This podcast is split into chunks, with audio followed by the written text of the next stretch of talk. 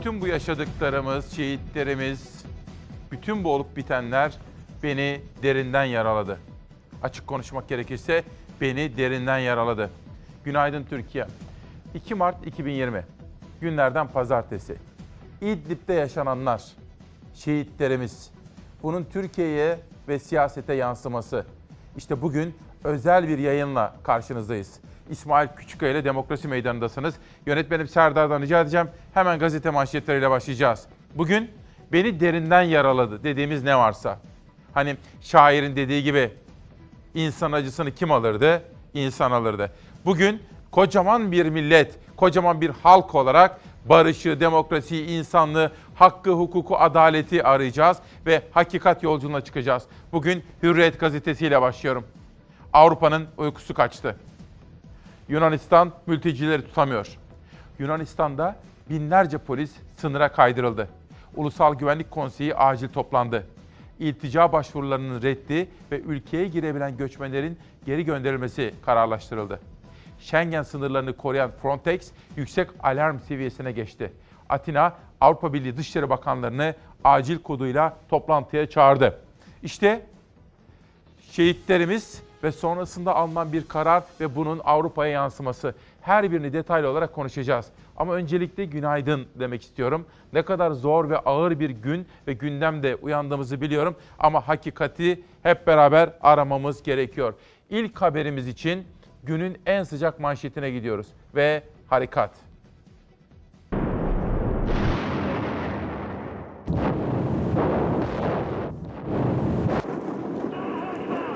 Temel amacımız ateşkesin ve istikrarın kalıcı hale getirilmesidir. Ancak birliklerimize, gözlem noktalarımıza ve mevzilerimize yapılacak saldırılara karşı meşru müdafaa kapsamında en şiddetli ve tereddütsüz karşılık vereceğinden de kimsenin şüphesi olmasın. Bahar Kalkan Harekatı 5. gününde İdlib'de 34 Türk askerinin şehit edilmesinin ardından başlatılan harekatta iki rejim uçağı düşürüldü, 2212 rejim askeri etkisiz hale getirildi. Atışlarımız ve faaliyetlerimiz, başladığımız faaliyetler planlandığı şekilde başarıyla, kahramanlık ve fedakarlıkla Mehmetçiğin kahramanlığı ve fedakarlığıyla devam etmektedir. Harekatı sınırın sıfır noktasında takip ediyor Milli Savunma Bakanı Hulusi Akar. Son bilgileri de oradan paylaştı. Harekat kapsamında bir insansız hava aracı, 8 helikopter, 103 tank, 19 zırhlı personel taşıyıcı, 72 obüs ve roket atar, 3 hava savunma sistemi, 15 tank savar, 9 mühimmat deposu ve 56 zırhlı araç imha edildi.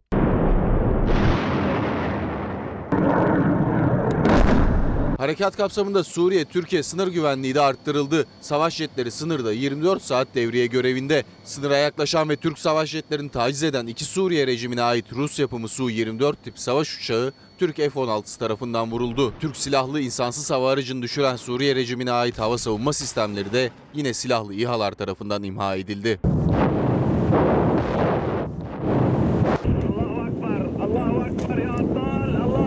Esad rejimi ise sivillere yönelik saldırılarını sürdürüyor. Halep'in batısına gerçekleştirilen saldırıda 5 sivil hayatını kaybetti, 6 sivil yaralandı.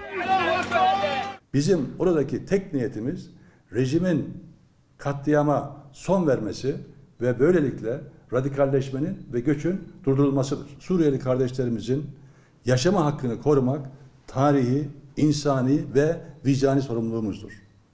Burada askeri harekatın ötesinde faaliyetlerimizin insani boyutu da büyük önem ifade etmektedir. Harekatın neden başlatıldığını Milli Savunma Bakanı Hulusi Akar sınır hattında açıkladı. Harekatın insani boyutuna dikkat çekti. Suriyeli kardeşlerimizin yaşam hakkını korumak bizim sorumluluğumuzdur açıklaması yaptı.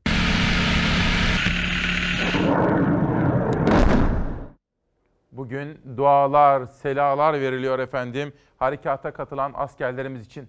Bütün bu yaşananlar beni derinden yaraladı dedik. Bu sabah Arzu Çağdur'da Avrupa'nın da içinde olduğu insanlık sınıfta kaldığı manşetlerini bize anlatmak istiyor efendim. Haber yolculuğuna devam edeceğiz ama bir dakika.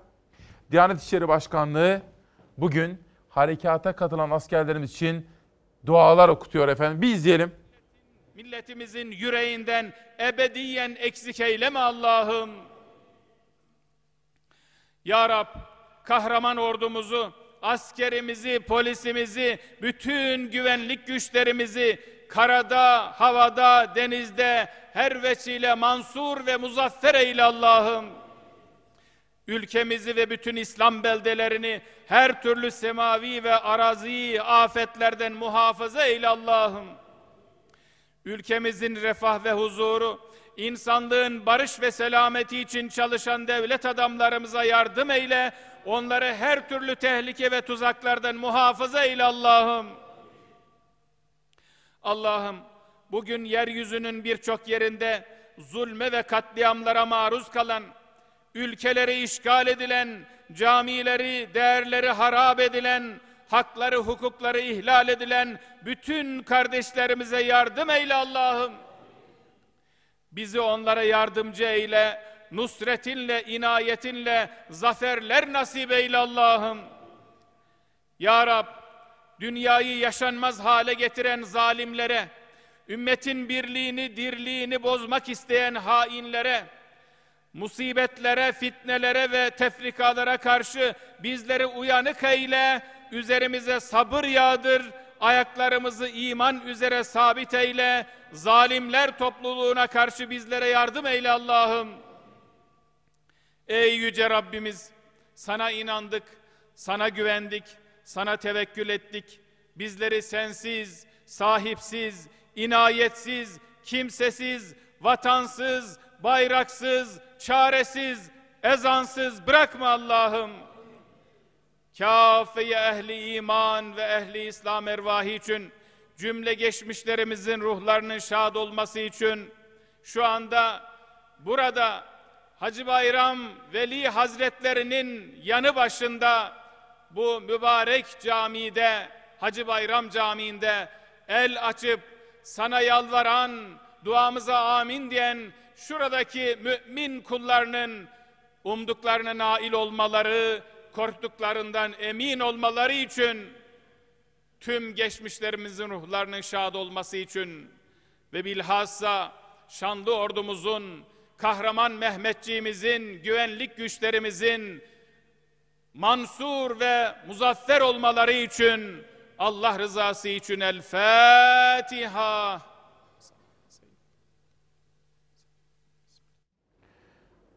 Ve bu olağanüstü anı da sizlere canlı olarak aktardık.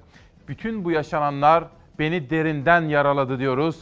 Şehitlerimiz, memleketimizin dört bir tarafından gelen şehitlerimiz ve bu acaba siyaset sınıfı tarafından nasıl değerlendirildi? Nasıl konuştular? Neler söylediler? Neleri söyleyemediler? Her birini bu sabah İsmail Küçükkaya ile Demokrasi Meydanı'nda konuşacağız. Hürriyet gazetesiyle başlamıştım. Döneceğim ikinci haber için ama şimdi bir sonraki manşete geçelim. Sözcü gazetesinin manşeti yeter artık askerler ölmesin bir şeyler yapın. Şehit ağabeyi kardeşinin cenazesinde böyle haykırdı. Suriye İdlib'de şehit düşen uzman onbaşı Ahmet Alparslan'ın İzmir Gazi Emir'deki cenaze törenine ağabeyinin bu sözleri damga vurdu. Yeter artık askerler ölmesin bir şeyler yapın dedi. Onbaşı Ahmet Alparslan İdlib'deki kalleş saldırıda şehit düşen 33 askerimizden biriydi. 23 yaşındaki şehidimiz önceki gün Gazi Emir'de törenle son yolculuğuna uğurlandı. Tarım Bakanı Bekir Pakdemirli'nin de katıldığı törende gözyaşları sel oldu, aktı gitti. Feryatlar yürekleri dağladı. Törende gözyaşlarına boğulan şehit onbaşının ağabeyi ölmesin artık kimse, ölmesin, yeter, dur deyin artık, asker ölmesin artık, bir şeyler yapın, yeter artık, bitmiyor diye haykırdı. Bu sözlerle milyonların duygularına tercüman olan Acılı ağabey güçlükle teselli edildi diyor. Hürriyet gazetesine bir kere daha geçelim manşet haberi için. Avrupa'nın da insanlıktan nasibini almamış bu çağdaki ayıbıyla baş başa bırakacağım size. Ama bugün bir taraftan acımızı anlatırken, paylaşırken bir taraftan olup biteni anlamamız gerekiyor. Mesela analitik bir yazı yazmış Serdar Turgut, Ciner grubunun Washington temsilcisi. Amerika ile Rusya'nın hangi anlaşmaya imza atıp atmadığını sorguluyor yazar. Diyor ki, Amerika ile Rusya hangi anlaşmaya imza attılar? Hangi Rus, hangi tarihte Amerika'ya gitti de CIA'de bazı anlaşmalara imzalar atıldı ve Türkiye o anlaşmaların neresindeydi? Yani aslında şu, yazar Serdar Turgut'un Washington'dan bildirdiği gibi Amerika bir emperyal güç, Rusya da bir emperyal güç. Onlar anlaştılar ve acaba biz filler tepişirken arada ne oluyoruz? İşte bunu düşündürtüyor bize bugünkü yazısında Serdar Turgut. Biraz sonra detaylandıracağım efendim. Ama işte önce şu haber. Avrupa'nın uykusu kaçtı. Yunanistan mültecileri tutamıyor. Avrupa Birliği şu anda teyakkuzda. Ankara'nın almış olduğu o karar ama şu da bir gerçek. 2020 yılındayız. Karşı karşıya kaldığımız manzara bizim için, Avrupa Birliği için, bütünüyle insanlık için bence düşündürtücü ve kaygı verici. Adın ne? Nereden geldiniz? Suriye'den. Niye beklediğini biliyor musun ya da nereye gideceksin? Ee, Yunan'a gidecektik ama çok zor gidebilmek için bilmiyoruz nereye ne, ne zaman al, al, al, al- alacak şey kapıyı açacaklar. VM sen korkuyor musun? Hı hı, çok korkuyorum. Neden korkuyorsun?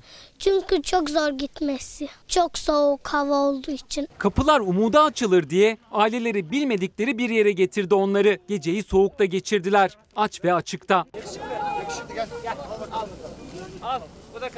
Bisküvi ver o zaman arabada. Yokmuş 7 kişilermiş. Üzülüyoruz, çok üzülüyoruz. Şu anda kaç mülteci var köyünüzde? Binlerce var. Hele bizim bu- burada barajımız var. Barajın üstü askeriyenin üstü dolu. Doyran köyü sakinleri özellikle çocuklu mültecilere onları gece soğukta camiye alarak kucak açtı. Geceyi camide geçiren o mülteciler şimdi de caminin hemen bahçesinde bir ateş yakarak çocuklarıyla birlikte burada beklemeye devam ediyorlar. İşte bu Suriyeli aile Konya'dan geldi. Şimdi Doyralı köyünde bekleyişleri sürüyor. Ayakları çıplak. Yine bir eşya gibi taşınıyor bebekler sınıra. Kiminin başında yükü, kucağında bebeği. Çoğu daha süt çağında. Türkiye-Yunanistan sınırında yardımseverlerin tek düşüncesi çocuklardı. Mülteci kampına dönüşen tampon bölgeye Edirneliler gıda yardımı yaptı. En önemli ihtiyaçlardan biri de çoraptı. Hiç. Sadece mutluyum giydiğim için. Neden bekliyorlar, nereye gidecekler ve bu belli olmayan yolculuk nerede sonuçlanacak hiçbir fikirleri yok. Çünkü onlar çocuk. Şimdilik onlar için her şey bir oyundan ibaret. Oyunla bekleyen de var, korkan çocuklar da. İçlerinde umut taşıyanlar da var. İranlı 10 yaşındaki Zekeriya Tacik gibi tekerlekli sandalyeden kurtulabilmek için tehlikeli bir yolculuğu göze aldı. Isparta'dan Edirne'ye geldi. Önce Yunanistan, oradan da Almanya'ya gidebilmek için. Yunanistan'a mı gideceksiniz önce? Evet. Oradan? Ee, Alman. Niçin peki? Am- ameliyat. Bu ameliyat lazım. Sen çok para ver ben bunu ameliyat yapıyorum. O zaman yapmadı ameliyat. Çok para lazım. Almanya o zaman gidin ameliyat yapıyor. Sizi bekleyen var mı orada? Yok. Zor ve önemli zamanlardayız çünkü olağanüstü gelişmelere gebe çok dikkatli ve uyanık olmalıyız. Muhammed Ergin Kara Cumhurbaşkanı'nın bir davranışının kendisini üzdüğünü söylüyor ve diyor ki farklılıklarımız olabilir. Siyaseten olaylara başka bakabiliriz ama Sayın Cumhurbaşkanı'nın o gün yapmış olduğu o konuşma beni derinden yaraladı diyor efendim Muhammed Ergin Kara. Mergin Kara rumuzlu arkadaşım Twitter'daki paylaşımında. Hürriyet gazetesinden Sözcü'ye geçiyorum. Sözcü'den bir manşet daha gelsin. Ve işte bakın kahramanlarımız sizi de derinden yaraladı değil mi? Ancak maalesef devletimiz yas ilan etmedi. Devletimiz yas ilan etmemiş olsa da biz halk olarak yastayız. Acılıyız. Kahramanlarımız şehit oldular Suriye'de, İdlib'de. İşte bakın Türkiye'nin dört bir tarafından şehit manzaraları. Ankara. Şehitlerimizi on binler uğurladı. Uzman onbaşı Halil Çankaya'nın cenaze merasimi. Orada CHP lideri Kılıçdaroğlu da var. Ankara Belediye Başkanı Mansur Yavaş da var. Hemen altında Kütahya, benim memleketim. Benim memleketimin şehidi uzman onbaşı Muhammed Yılmaz. On binlerce hemşerim katıldı. Hemen onun yanında Yozgat'tan, hemen onun altında Samsun'dan. Bakın biz bütün ekip arkadaşlarımla birlikte çalıştık, danışmanımla birlikte çalıştık. Haritayı biraz sonra gözlerinizin önüne getireceğiz. O kerpiç evlerde şehit olan kahramanlarımızın evlerindeki bayraklarımız asılı. O bayrak Türkiye'nin bütün bölgelerinden, bütün illerinden geliyor. Türkiye'mize, vatanımıza bir kere daha başsağlığı diliyoruz. Vatanını çok sevdi benim kuzum benden asker selamı verin. Vatan için gözünü kırpmadan şehit düşen oğlunu asker selamıyla uğurladı. İdlib şehitleri Kütahya, Samsun ve Yozgat'ta vatan toprağına emanet edildi. Akşam saatlerinde İstanbul Sancaktepe'de ise Cumhurbaşkanı Erdoğan, kahraman İdlib şehiti uzman onbaşı Emre Baysal'ın baba ocağındaydı. Şehidimize dünya ve ahiret haklarınızı helal eder misiniz? Helal eder misiniz? Suriye'nin İdlib kentinde rejimin hava saldırısında şehit düştü piyade uzman çavuş Muhammed Yılmaz. 27 yaşındaydı, bekardı. Şehidin Kütahya'da yapılan cenaze törenine 20 bin kişi katıldı. Şehidin annesi Hatice Yılmaz gururluydu, ağlamadı. Şehit piyade uzman çavuş Muhammed Yılmaz gözyaşları ve dualarla toprağa verildi.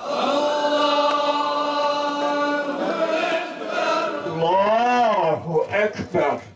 Aynı saldırıda şehit düşen piyade uzman onbaşı Eyüp Gülaştı 23 yaşındaydı. Samsun'un Çarşamba ilçesinde düzenlenen cenaze töreninde asker kıyafeti giydirilen 5 yaşındaki yeğeni al bayrağı sarılı dayısının tabutu başında asker selamı verdi. Şehidi binlerce kişi son yolculuğuna dualarla uğurladı.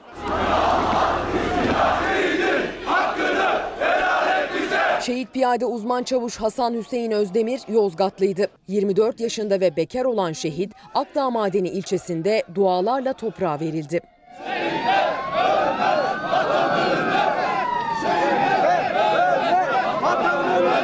Akşam saatlerinde Cumhurbaşkanı Erdoğan, İdlib şehidi uzman onbaşı Emre Baysal'ın Sancaktepe'deki evine taziye ziyaretinde bulundu. Ziyarette şehit Baysal için Kur'an-ı Kerim okundu. Ziyarette Cumhurbaşkanı Erdoğan'a eşi Emine Erdoğan da eşlik etti. Kahramanlarımızla ilgili haberleri sizlere aktaracağım. Bu arada Gül Hanım diyor ki Serdar Turgut'un yazısının ana fikri nedir sizce diye soruyor. Şimdi şöyle az evvel ifade ettiğim gibi Amerika ile Rusya'nın zımni, görünmeyen bir anlaşmaya imza atmış olabilme ihtimali. Serdar Turgut bunu altını çiziyor. Washington'dan yazıyor. Ciner Grubunun Washington temsilcisi. Bakın şurası önemli. Bu tartışmalar bağlamında Türkiye nasıl ele alındı? Amerika ve Rusya Türkiye hakkında da ortak bir zeminde buluştular mı? Bir üst maddeye geçiyoruz şimdi. Serdar Turgut'un iddiasına göre Amerika ile Rusya'nın anlaşması belki de Kuzey Irak modeli. Yani iki emperyal güç anlaştılar. Kuzey Irak'ı nasıl paylaştırırlarsa bakın hani Irak'ta Kuzey Irak bölgesel yönetimi var ya şimdi. Aynı şekilde Kamışlı modeli. Yani biliyorsunuz Fırat'ın doğusu, Fırat'ın batısı. Doğusunda Amerikalılar, batısında Ruslar. Hava sahasında kontrol etmekteler. Bugünün en çok üzerinde durulması gereken yazılarından bir tanesi de budur. İlerleyen dakikalarda daha da detaylandıracağım efendim. Bir soru soracağım. Serdar pardon. Acımız büyük ama dayanışma içindeyiz değil mi? Biraz evvel sizlere Fetih Suresi'nden bahsettik ve askerlerimiz. Ve bir soru. Şehitlerimizin ortak özelliği nedir efendim? Onların kahraman olmalarının dışında evleri. Ne zaman bir şehit haberi olsa onların o Türk bayrakları asılmış evleri işte bakın birbirine ne kadar benzemektedir. Hani il il, ilçe ilçe sizlere biraz sonra çok detaylı olarak aktaracağım. Ama onlar kahramanlarımız. Bu ülke için onlar şehadet mertebesine ulaştılar. Bakın onların şehitlerin evlerinin ortak özelliğini şu anda görmektesiniz. Sizler de bu konuda yorum yapabilir. Bana Instagram ve Twitter üzerinden görüşlerinizi aktarabilirsiniz. Peki o halde Aydınlık Gazetesi'ne geçelim. Aklınıza şu gelebilir. Peki buradan nasıl çıkacağız? Allah beterinden saklasın deriz ya. Ne olacak?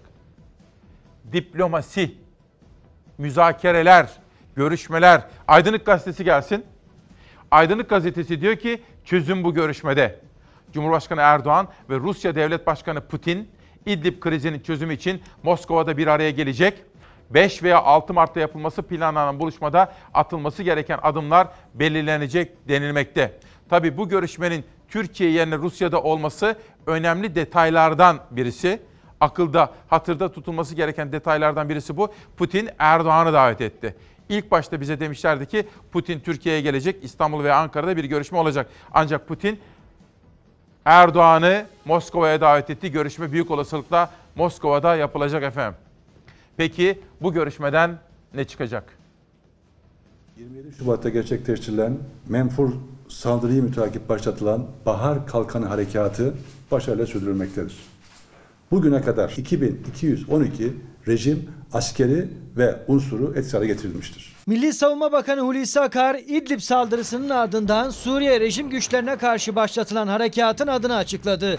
Bahar Kalkanı. Akar, Hatay'dan Bahar Kalkanı harekatının son bilançosunu verirken Dışişleri Bakanlığı kaynaklarından da Cumhurbaşkanı Erdoğan'la Rusya lideri Putin'in 5 Mart'ta Moskova'da görüşeceği haberi geldi. Sayın Putin'e de söyledim. Sizin orada ne işiniz var? Siz bizim önümüzden çekilin. Bizi rejimle baş başa bırakın. Ha biz de rejimle gereğini yaparız. Rusya ile karşı karşıya gelmek gibi ne bir niyetimiz ne bir maksadımız var. Bizim oradaki tek niyetimiz radikalleşmenin ve göçün durdurulmasıdır. Suriye'de meşru hükümetin talebi doğrultusunda meşru olarak askerlerini bulunduran tek ülke Rusya. Tüm diğer ülkeler Suriye'de uluslararası hukuk kuralları ve prensiplerine aykırı olarak bulunuyor. Moskova'dan Kremlin sözcüsü Peskov'dan gelen bu son açıklama Ankara ile Moskova arasındaki yüksek tansiyonun devam ettiğinin bir göstergesi. İşte bu gergin havada İdlib saldırısının ardından iki lider telefonla görüşmüştü. 5 Mart Perşembe günü Moskova'da gerçekleşecek zirvede bu kez krizin çözümü yolunda atılması gereken adımlar yüz yüze konuşulacak. Türkiye hakkı mücadelesinden hiçbir zaman geri durmayacaktır. Hiçbir şehidinin kanını yerde bırakmayacaktır. Hiçbir ihaneti unutmayacaktır. Milletimiz yanımızda olduğu sürece her zorluğun üstesinden gelecek, ülkemizi köşeye sıkıştıracağını zannedenlere tarihi bir ders vereceğiz. Cumhurbaşkanı sosyal medya hesabından kararlılık mesajları verirken Hulusi Akar, Türkiye'nin Suriye'deki varlığının nedenini ve Bahar Kalkanı adıyla başlatılan son harekatın gerekçelerini özetledi. Bir yandan alanda askeri adımlar atılırken diğer yandan da diplomasi devrede. Erdoğan, İran Cumhurbaşkanı Ruhani ile de bir telefon görüşmesi gerçekleştirdi. Görüşmede siyasi ve diplomatik çözüm seçeneğine vurgu yapıldı. Tarih boyunca hep işgallere, zulümlere maruz kalmış bu coğrafyada mücadeleden bir an geri kaçarsak, bir an birliğimize, beraberliğimize sahip çıkmazsak çok daha büyük bedeller ödeyeceğimizin bilinciyle hareket ediyoruz. Karşılıklı mutabakatlardan doğan tüm sorumluluklarımızı garantör bir ülke olarak yerine getirdik ve getirmeye devam ediyoruz. Bu doğrultuda meşru müdafaa kapsamında hedefimiz sadece birliklerimize saldıran rejim askerleri ve unsurlar olacaktır. Erdoğan Putin görüşmesinde de Suriye'de çözüm için yol haritasını Akar'ın altını çizdiği mutabakat metinleri belirleyecek. Erdoğan'a eşlik edecek heyette Dışişleri Bakanı Mevlüt Çavuşoğlu, Milli Savunma Bakanı Hulusi Akar ve MİT Başkanı Hakan Fidan'ın da yer alması bekleniyor. 5 Mart'taki bu görüşme çok önemli efendim. Bu arada Mehmet Ocak'tan Karar Gazetesi'nde biri bize açıklasın. Bizim askerlerimizi kim şehit etti? Rusya mı yoksa Suriye mi? Yoksa Avrupa Birliği mi diye soruyor Mehmet Ocak'tan. Yanıt beklediğini söylüyor. Az evvel sizlere bir fotoğraf göstermiş idim. Hanife Hanım, Hanife 977. Bayraklar neden hep kerpiç evlerde? Şehitlerimizle ilgili, şehitlerimizin evlerine ilişkin böyle bir bilgi aktarmış. İbrahim Altın da böylesine kritik ve zor bir zamanda parlamento neden açık değil, neden olağanüstü toplanmıyor diye soruyor İbrahim Altın. Şimdi ilk bağlantımızı yapacağız efendim. Barış Kaya Hatay'da. Hazır mı Serdar? Belki bakalım. Evet sevgili Barış günlerdir sizler de fedakarca yayın yapmaktasınız. Ülkemizin bu içinde bulunduğu olağanüstü önemdeki gelişmeleri sizler bizlere aktarmaya çalışıyorsunuz. Şimdi 2 Mart 2020 sabahında en son durumu dinlemek üzere seni dinliyoruz. Dün son derece sıcak dakikalar yaşandı. Aslında bir gün öncesinden Türk Silahlı Kuvvetlerine ait SİHA'ların bölgede aktif olarak görev yapmasından sonra orada bulunan rejime ait pek çok e, hava savunma sisteminin ve diğer böyle depoların ve mühimmat depolarının imha edilmesinden sonra ve rejim mevzilerinin özellikle e, Türk Silahlı Kuvvetlerine bölgede bulunan Mehmetçiklerimize topçu ateşi yapılan o mevzileri imha etmesinden sonra bir hava hareketliliği de yaşandı. Hem e, Suriye tarafında hem Türkiye tarafında. Dün gece tabi bu yaşanan gelişmelerin sonrasında dün gece e, Suriye rejimi şöyle bir karar aldı. İdlib hava sahasını kapatıyorum dedi. Bu sıcak bir gelişmeydi dün gece yaşanan ve hemen ardından da Rusya Savunma Bakanlığı dikkat çeken bir açıklama yaptı. Ee, Türk Silahlı Kuvvetlerine ait, Türk Hava Kuvvetleri'ne ait jetlerin bölgede uçuşlarını artık e, güvenliğini garanti edemeyiz dediler bu saatten sonra. Ama öncesine baktığımızda zaten Türk Silahlı Kuvvetleri'nin İdlib'de yürüttüğü faaliyetler noktasında oradaki bulunduğu üst noktasının e, güvenliğini de sağlayamamıştı Rusya ve e, oraya zaten hava saldırısıyla 33 askerimiz şehit düşmüştü. Dolayısıyla Rusya'dan böyle bir açıklama geldi. Tabii bu önemli olan şu sahadaki gerginliği düşürmek, özellikle ateşkesi sağlamak için atılan adımlar bir yanda diplomasi trafiği, öte yandan sahadan gelen haberler diğer yanda. Yani aslında masada konuşulan sahaya bugünlerde yansımıyor ama ilerleyen günlerde yansıyacak mı onu da göreceğiz. E, dün gece yarısından bu sabaha yaşanan en önemli gelişmelerden birisi Evet. buydu. E, bir dikkat çeken detay da şu. Nedir? 7 gözlem noktamız var İsmail Küçükkaya Evet. e, İdlib'de. İdlib'deki bu 7 gözlem noktamız ne durumda? Şu ana kadar aslında bununla ilgili net bir açıklama yok. Dün gece öyle haberler geldi ki gözlem noktalarına rejimin saldırdığı bilgisi vardı ama teyit edilmiyor. E, çünkü orası bir kapalı devre bir yer. E, bunu ancak Türk Silahlı Kuvvetleri açıklarsa o bölgeden e, bilgi alabiliyoruz. Ya da e, bölgedeki kaynaklardan gelen haberlerden bazı derlemeler yapıyoruz ama e, şu ana kadar gözlem noktalarımıza saldırıldığına ilişkin bir detay paylaşılmadı. Bilgi de paylaşılmadı ama o bölgeden gelen karmaşık bilgiler içerisinde e, dün gece böyle bir olayın yaşandığı da var. E, 7 o gözlem noktası neden önemli? Çünkü artık rejim güçleri Soçi mutabakatına uymadılar. E, Türkiye sınırına doğru yaklaşmaya başladılar ve o gözlem noktalarımız içeride kaldı. İçeride kaldıkları yer Suriye rejiminin olduğu yerler. Şimdi iki ülke arasında e, Suriye ile Türkiye arasında karşı karşıya geldikleri bir coğrafya var ama Türk askerinin e, içinde bulunduğu durumda gözlem noktaları rejimin içerisinde. Şimdi onların ikmali, oradaki askerlerin güvenliğiyle ilgili e, tabii tek güvenceyi veren Rusya'ydı ama Rusya bugün havayla alakalı hiçbir güvence veremem diyor. Karayla alakalı nasıl güvence verecek? E, Türkiye zaten Rusya'ya güvenmediği için Türk jetlerini kaldırdı. Çünkü o hava harekatı gerçekleşirken yani iki e, ya da üç hatta dün geceden bu yana üç Suriye rejimi uçağının düşürülmesi olayında e, artık Türkiye Suriye sınırında havalanan her uçağı Türk Silahlı Kuvvetlerine bölgede görev yapan Mehmetçi'ye tehdit olarak görüyor. Türk sihalarına karşı tehdit olarak görüyor. Çünkü işi şansa bırakmıyor. Her kalkan e, Suriye tarafından kalkan her uçağa karşı Türkiye tarafından da uçak kalkıyor ve o dengeyi hava kuvvetleri sahadaki dengeyi kurmaya çalışıyor. Çünkü bir hava saldırısı daha artık Türkiye kaldıracak durumda değil. Çünkü bu Çok hava doğru. saldırılarına karşı tek mücadele vereceğimiz havadan e, ya Türk jetleri F-16'ların müdahalesi olacak e, ya da ya da tabii ki de e, karadan havaya atılan füzeler olacak. E, tabii bunları e, sahadaki askeri terimlerle anlatmakta fayda var. E, hava sahasıyla ilgili alçak iltifada bir füze kullanıyoruz ama uçaklar çok yukarıdan uçuyor. Onlar için e, yine karşılıklı bir hava harekatı gerekiyor. E, hepsi ayrı bir denge. Bölge ise son derece karışık. Tabii buradan bakıldığında e, daha garip geliyor insana. Yani e, aslında Türk Silahlı Kuvvetleri'nin İdlib'de ne işi var sorusu sürekli soruluyor ama e, evet orada olmak zorundayız. Evet oradaki dengeleri kurmak zorundayız. Ortada bir mütabakat var. Çünkü Cumhurbaşkanı Erdoğan'la Putin'in yapacağı 5 Mart ya da 6 Mart'taki görüşmede de Soçi mutabakatına bağlı kalındığı ifade ediliyor. Ortada bağlı kalınan bir mutabakat var. O zaman Türkiye'nin oradaki varlığı da e, tartışılmaz bir duruma geliyor. Her iki ülke, ülkeler bunu kabul ediyorlar. Ama öte yandan sahada bir e, gerginlik var, savaş var, çatışma var. Barış, bir E, soru. Amerika'nın ya da Rusya'nın askerleri şehit düş... Sözünü bitir bir soru Evet. soracağım. Amerika'nın ve Rusya'nın askerlerinin canına hiçbir şey olmuyor ama Mehmetçiğimiz şehit düşüyor. İşte en büyük tepki de bu yönde. Şimdi sen bir gazeteci, sahadaki bir muhabir olarak bize gördüğün gerçekliği, aldığın bilgileri çok net anlattın. Bir yorum sorusu soracağım sana, bir analiz sorusu. Aklıma geldi seni dinlerken. Biraz evvel yazarlardan bahsediyordum. Bugünkü alıntı yapacağım yazarlardan biri de Mehmet Ocak'tan. Şöyle bir soru soruyor iktidara. Bize açıklama yapın. Bizim askerlerimizi kim şehit etti?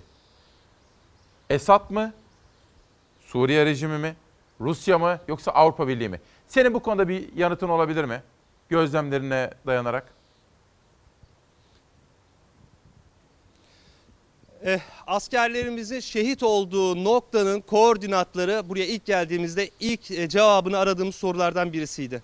Askerlerimizin şehit olduğu bir üst noktası var. Bu üst noktasına çok yakın eh, bulundukları noktaya bir hava saldırısı gerçekleşiyor. Ardından eh, oradaki askerlerimiz buraya bir hava saldırısı gerçekleşiyor. Uyarısı yapılsın diye bilgi veriyorlar. Bu üst noktasına ulaştıktan sonra Suriye, Ruj, pardon Rusya ile bu paylaşılıyor.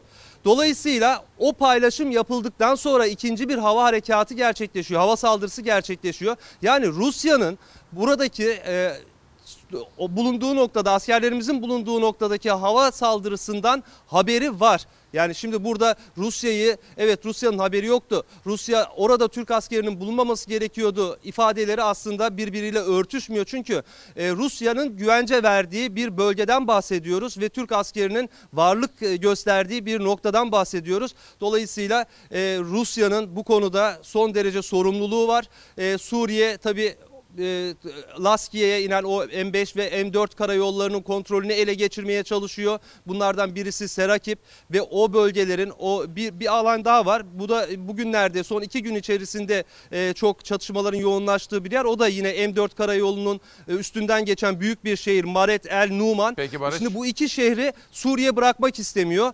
Rusya destek veriyor ve bizim askerlerimiz şehit düşüyor. Barış çok teşekkür ediyorum. Çok iyi soru sorduğun gibi, sahadaki çok iyi muhabir olduğun gibi analiz yeteneğine de teşekkür ediyorum. Sana bir soru daha soracağım ama şimdi değil, ilerleyen dakikalarda yeniden bağlanacağız. İşte sahadaki bir gazetecinin verdiği çok akıl dolu yanıtlardan biri. Sözcü gazetesinden bir haber daha sonra sabaha geçiyoruz. Günaydın Türkiye'm 2 Mart 2020 Verelim büyütelim şehitlerimizle ilgili haberi. 2 Mart 2020. Bütün bu olup bitenler beni derinden yaraladı. Bugünkü manşetimiz İsmail Küçükkaya ile Hakikat Yolculuğunda işte bugün Türkiye'nin dört bir noktasındaki şehitlerimiz. Onları son yolculuğuna uğurladığımız andaki duygumuz. Devletimiz yas ilan etmedi ama halkımız o acıyı derin bir şekilde yüreğinde hissediyor ve yasını tutuyor. Halkımız yasını tutuyor. Ben mesela Antalya'ya gidecektim. Gidemedim. İçimden gelmedi. Kız çocuklarımız için Türk Eğitim Vakfı Mustafa Koç Burs Fonu için koşuyoruz. Bağışları topladık. Ama en son Karolin Koç Hanım'la da konuştuk. Yüreğimiz el vermedi, gidemedik. Baktım hiçbir arkadaşım hiçbir şey yapmak istemedi. Bağışlarımızı yaptık, çocuklarımızı okutmak için paraları topladık ama gidip oralarda fotoğraf falan çektiremedik. Çünkü yüreğimiz el vermiyor. Devletimiz ilan etmese de halkımız yasını tutmakta. Sözcüden Sabah gazetesine geçiyorum. Bahar kalkanıyla hedefler dümdüz. Türk Silahlı Kuvvetleri Esad rejimine karşı başlattığı Bahar Kalkanı harekatında İdlib, Laskiye ve Halep bölgesindeki yüzlerce hedefi tam isabetle imha etti. Az evvel sizlere bölgedeki gelişmeleri çok sıcak olarak aktarmıştım. Başkaca detaylarımız da var ama onları da ilerleyen dakikalarda sizlerle paylaşacağım. Sabahtan bir manşet daha okumak isterim. Şehitleri on binler uğurladı. Lütfen şu fotoğraflara bakınız. O isimleri hafızanızda tutunuz.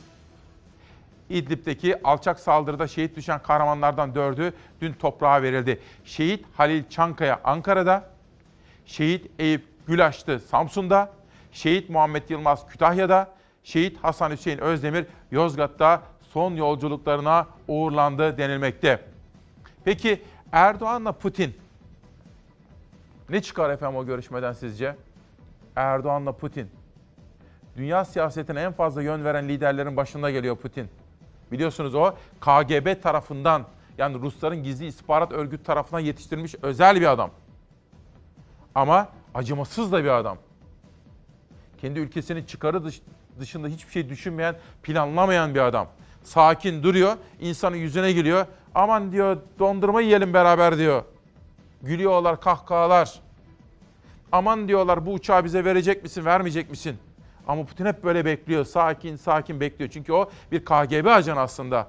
Ama yapacağını yapıyor sonunda.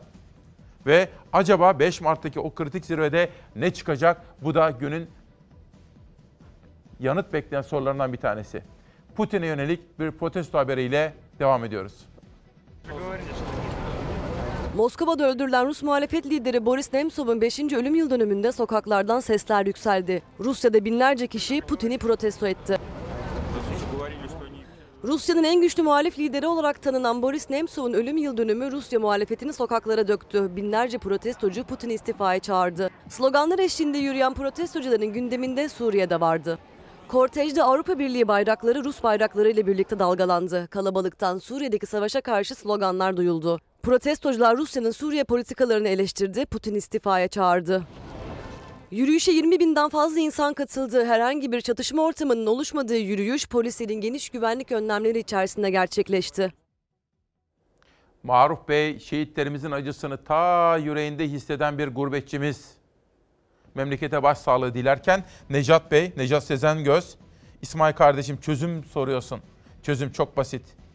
Sınırımızın önünde bir tampon bölge kuralım ve Suriyelileri orada barındıralım diyor. Necat Bey böyle bir çözüm önerisiyle gelmiş. Sabahtan bir haber daha gelsin. Şehit denildiğinde göğsümüz kabarır. Tuğba Kalçık bugün Sabah gazetesi adına böyle bir röportaj yapmış. Türk Edebiyatı'nın usta ismi İskender Pala, şehitlik denildiğinde göğsü kabaran, şehit olmayı arzulayan bizden başka bir millet yoktur. Şehitlik Allah'a olan emaneti onun yolunda ona teslim etmektir diyor ve o da Sabah gazetesinin birinci sayfasında yer alıyor. Sabahtan Bir Gün gazetesine geçelim. Bir Gün gazetesinden bir manşet geliyor. Yeter artık kimse ölmesin. 23 yaşındaki İdlib'de yaşamını yitiren kahramanımız asker Ahmet Alparslan'ın abisi. İşte Bir Gün gazetesi ona ilişkin bir haber aktarıyor. Asker Ahmet Alparslan'ın abisi cenaze töreni sırasında savaşa ve ölümlere isyan etti. İdlib'de yaşamını yitiren askerler toprağa verilirken önceki gün uzman onbaşı Ahmet Alparslan ki yaşı 23 onun için İzmir Gaziemir ilçesinde düzenlenen tören sırasında savaşa ve ölümlere isyan eden abisinin sözleri dün sosyal medyada çok konuşuldu. Tarım ve Orman Bakanı Bekir Pakdemirli, İzmir Valisi Erol Ayyıldız ve Ege Ordu Komutanı Korgeneral Ali Sivri'nin de katıldığı törende Alparslan'ın abisinin ölmesin artık kimse, ölmesin, yeter, ölmesin artık, dur deyin artık, ölmesin yeter, asker ölmesin artık, asker ölmesin, bir şeyler yapın, yeter, bitmiyor ifadeleriyle yaşananlara tepki gösterdiği görüntüler yüz binlerce yurttaş tarafından dün sosyal medyada paylaşıldı efendim. İlerleyen dakikalarda postada, milliyette de göreceksiniz. Hürriyet gazetesinin haberiyle de başladık. Yıl 2020. İnsanlık acaba şimdi izleyeceğiniz görüntülerden utanır mı, utanıyor mu? Saat 9.55 itibariyle Edirne üzerinden ülkemizden ayrılan göçmen sayısı 76.358. Sınıra göçmen matik taktırmış. Şu kadar çıktı bu kadar çıktı. Sosyal medya üzerinden algı operasyonu yürütüyor. İdlib saldırısı sonrası Türkiye bir anda sınır kapılarını açtı. Mülteciler Avrupa hayaliyle Yunanistan sınırına dayandı. İçişleri Bakanı Soylu düzenli aralıklarla rakam veriyor. Son rakamlar Cumhurbaşkanlığı İletişim Başkanı Fahrettin Altun'dan geldi. Sayı daha da artabilir mesajıyla. Son birkaç gün içerisinde Avrupa'ya gitmek üzere Türkiye'den ayrılan mülteci sayısı 80.888 oldu. Biz kimseyi zorla göndermiyoruz. Muhalefet on binlerle ifade edilen mülteci akınının insanlık dramı olduğunu söylerken açıklanan rakamlarla sınır kapılarında biriken mültecilerin sayısı arasında çelişki var dedi, iktidara yüklendi. Yunanistan'a deniz yoluyla geçebilen 500 hadi 1000 olsun. Bulgaristan zaten almıyor. Meriç'ten karşı tarafa geçenlerin sayısı çok az. Tampon bölge olarak düşünülebilecek o ara bölgede bulunanlar bu verilen rakamlarla alakası yok. CHP kurmayı Özgür Özel en yetkili ağızlardan sayıları an be an yükseltilerek verilen rakamların inandırıcı olmadığını, iktidarın mültecileri istismar ettiğini savundu. Gitmek isteyenlere lojistik destek de sağlanıyor. Eğer Süleyman Soylu doğru söylüyorsa bu insanlar sınırı geçtikten sonra buharlaşmış olmaları lazım. Yunanistan almıyor, Türkiye yolluyor, arada kimse yok buharlaşmış. Bunları neden besliyorsunuz derler. Siz kapıyı açarsınız, siz şantaj yapıyorsunuz derler. Bu zihniyet maalesef Türkiye'de bir milli güvenlik sorunu haline gelmiştir. Yıllardır övünüyorlardı Ensar muhacir ilişkisiyle. Şimdi bu insanları öyle otoyolların üzerinde koyun sürüleri gibi yollamak, bu insanların gidişini hem teşvik etmek hem zorlamak doğru değil. Avrupa'ya göç etmek isteyen mültecileri önlemeye çalışmaktansa Suriye'den daha fazla mülteci gelmesi olasılığına karşılık kendimizi hazırlıyoruz. Avrupa hayali başlamadan bitti önemli bir kısmı için. Çünkü Yunanistan sınırını aşıp geri dönmeyenlerin sayısı yok denecek kadar az. Siyasetin mülteci poleminde ise rakamlar çarpışıyor. Göçmenlerin sayısı üzerinden ve sürekli o rakamları böyle bir numaratör gibi ilan ederek bunu iç politikada kullanmak vicdani bir iş değil. Bugün Sözcü gazetesi yazarı Necati Doğru Avrupa Birliği üzerinden bir yazı yazmış. Yazısının başlığı da ana fikri de sonucu da şu. Güleriz ağlanacak halimize. 2 Mart 2020 Sözcü gazetesi Necati Doğru. Güleriz ağlanacak halimize. Canan Güllü benim sevgili kardeşim. Canımız yanıyor. Canan Güllü Türk Kadın Dernekleri Federasyon Başkanı diyor ki yüreğimiz yanıyor, canımız yanıyor. Kadınlar olarak çok tedirginiz. Ama sorguluyoruz. Neden milli yas ilan edilmedi? Neden Türkiye Büyük Millet Meclisi toplanmadı? Bakın bu sorular anlamlı sorular. Bu soruları sizler de sormalısınız Canan Hocam gibi. Ben yastayım. Siz de öylesiniz. Peki devlet neden yasa ilan etmiyor? Ben olup biteni öğrenmek istiyorum. Kaygılıyım bir yurttaş olarak. Ama neden parlamento toplanmıyor? Canan Hanım gibi sizler de sorgulayınız. Çünkü olup bitende hepimizin sorumluluğu var. Bir günden bir haber daha gelsin. Sabah gazetesini tamamlamıştım 3 manşetle. Putin gelmedi, Erdoğan gidiyor. Hükümet Suriye'de Bahar Kalkanı Harekatı'nın başlatıldığını duyurdu. Erdoğan ise İstanbul'a gelmeyen Putin'le görüşmek için 5 Mart'ta Moskova'ya gidecek. Ankara'nın Soçi mutabakatı sınırlarına çekilmesi için Şam yönetimine tanıdığı sürenin önceki gece dolmasının ardından Savunma Bakanı Akar, Bahar Kalkanı Harekatı'nın başladığını duyurdu. Akar, bugüne kadar 2212 rejim askeri etkisiz hale getirilmiştir dedi. Savunma Bakanı ayrıca Rusya ile karşı karşıya gelme niyetimiz yok ifadesini de sözlerine ekledi. Öte yandan Suriye ordusuna ait iki uçağın düşürüldüğü Halep'teki Neyrap askeri havaalanında vurulduğu duyuruldu. Türkiye-Rusya hattında ise diplomasi trafiği hız kazandı. Buna göre Erdoğan Putin ile görüşmek için 5 Mart'ta Moskova'ya gidecek. Gelişmeyi yorumlayan doçent doktor Berk Esen, Batı Erdoğan'a açık çek vermedi. Bu 5 Mart'a kadar sürerse büyük ihtimalle Erdoğan Putin'in pozisyonuna daha yakın bir çizgide yer alacaktır. Türkiye'nin elinde çok da fazla bir koz yok dedi. Geçen hafta 5 Mart günü Putin'in İstanbul'a geleceği ifade edilmişti. Ancak Kremlin Putin'in o tarihte başka bir planı var açıklamasını yapmıştı efendim. Zaten biliyorsunuz günlerden beri bizimkiler görüşmek istiyordu. Onlar da binbir dereden su getiriyorlardı. Yok programımız var, yok Sayın Putin'in görüşme takvimi çok sıkışık, yok Erdoğan'la görüşemeyecek diye. Ancak İstanbul ve Ankara'da yapılması planlanan o zirve Moskova'ya alındı ve bizim Cumhurbaşkanı oraya gidecek, Putin'le orada görüşecek. Demek ki bugün bütün bu yaşananlar beni derinden yaraladı. Manşetimiz bu. Özel bir yayınla karşınızdayız. Dört ayrı noktadan bağlantılarımız devam edecek. Özel haberler, dosyalar, manşetlerle devam edeceğiz. Çünkü hakikati merak ediyor ve öğrenmek istiyoruz. Ancak koronavirüsten başlayarak ekonominin içinde bulunduğu duruma dair pek çok başka haberi de sizlere aktaracağım. Mesela Kaan kardeşim beni hafta sonunda uyardı. Berlin'de dünyanın en büyük turizm fuarı koronavirüs nedeniyle iptal edildi. Cenevre'de bir başka otomotiv sektörünün, otomotiv dünyasının merak ettiği bir başka fuar, o da koronavirüs nedeniyle iptal edildi. Bunları da sizlerle paylaşacağım. Ama dediğim gibi bugün ana istikametimizde, özel yayınımızda İdlib ve Türkiye ile Rusya arasındaki o diplomasi çekişmeleri yer alacak. Ama önce Serdar hava durumu hazır mı? Bir öğrenci kardeşim okula gideceğim abi hava durumunu söyler misin diyordu Mehmet kardeşim. Onun için hava durumu. Sıcaklıklar artıyor, yurt genelinde kış güneşi gün boyu gökyüzünde görülüyor. Yeni haftanın havası hafta ortasına kadar yurdun hemen hemen tüm kesimlerinde güneşli ve ılık. Hafta sonu hava ısındı, yeni haftada da hava ısınmaya devam edecek. Bugün yurdun hemen hemen tüm kesimlerinde gökyüzü az bulutlu, bol güneşli. Yalnızca yurdun en doğusunda sabah saatlerinde bulutlu gökyüzü hafif kar yağışına sebep olabilir. Akdeniz kıyılarında zaman zaman bulutlar yoğunlaşabilir. Ancak genel olarak bolca güneş gördüğümüz bir hafta başlangıcı olacak bugün. Sıcaklıklar yurt genelinde ikişer üçer artıyor. Rüzgar yurdun batısında güneyli yönlerden esiyor. Lodos şeklindeki rüzgar ılık havasını taşıyor yurda. Özellikle batıda hissedilen sıcaklıkları arttırıyor. Salı günü öğle saatlerinden itibaren ise lodos kuvvetli esmeye başlayacak. Salı akşam ve çarşamba günlerinde yurdun batısında lodos fırtınası ihtimaline dikkat edilmeli.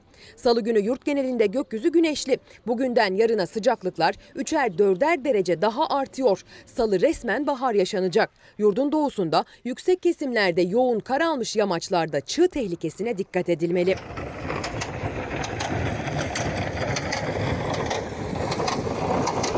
Çarşamba günü ise yurdun batısında yağış bekleniyor. Yeni yağışlı hava hafta ortasında Ege'yi etkisi altına alacak. Yağışların etkisiyle çarşambadan itibaren sıcaklıklar birer ikişer düşmeye başlayacak. Koronavirüs de önemli ama bugün İdlib şehitlerimiz. Bütün bu olup bitenler beni derinden yaraladı. Necati Doğru'nun yazdığı gibi güleriz ağlanacak halimize. Yadigar Hanım, İsmail Bey bütün haberleri sizden öğreniyoruz.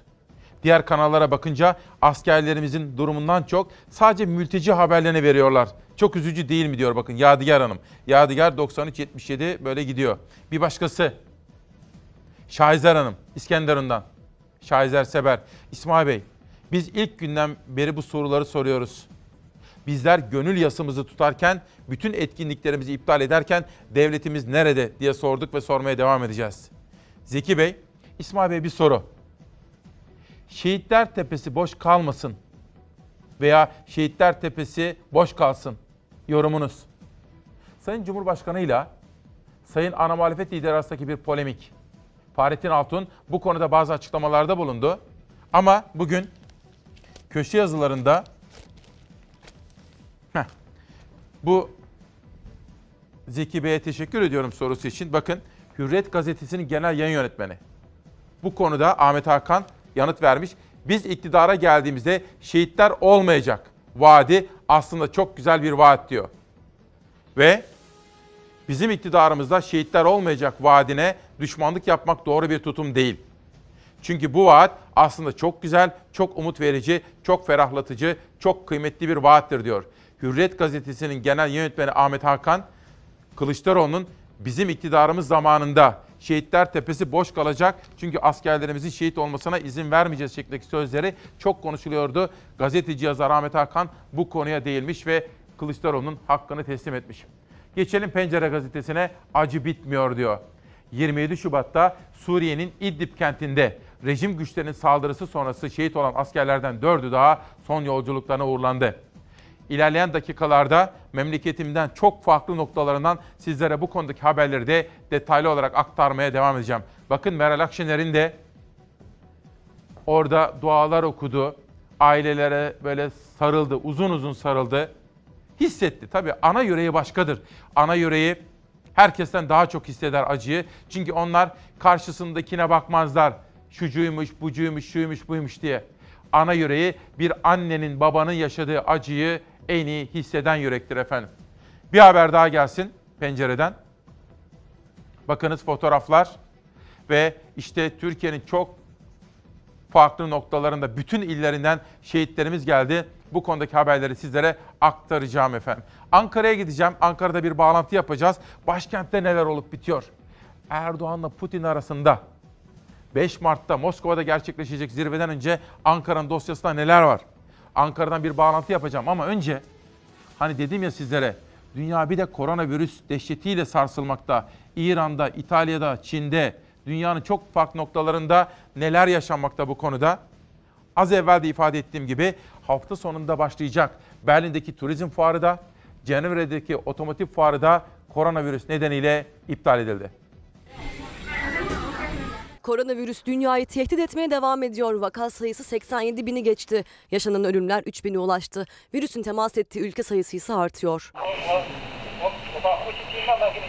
Çin Wuhan'da başlayıp tüm dünyaya yayılan koronavirüsü hız kesmiyor. Virüsün etkilediği ülke sayısı 45'e ulaştı. Ciddi solunum yolu hastalıklarına yol açan virüs Çin'den sonra en çok Güney Kore'yi, İran'ı ve İtalya'yı vurdu. Amerika'da da koronavirüse bağlı ikinci ölüm gerçekleşti.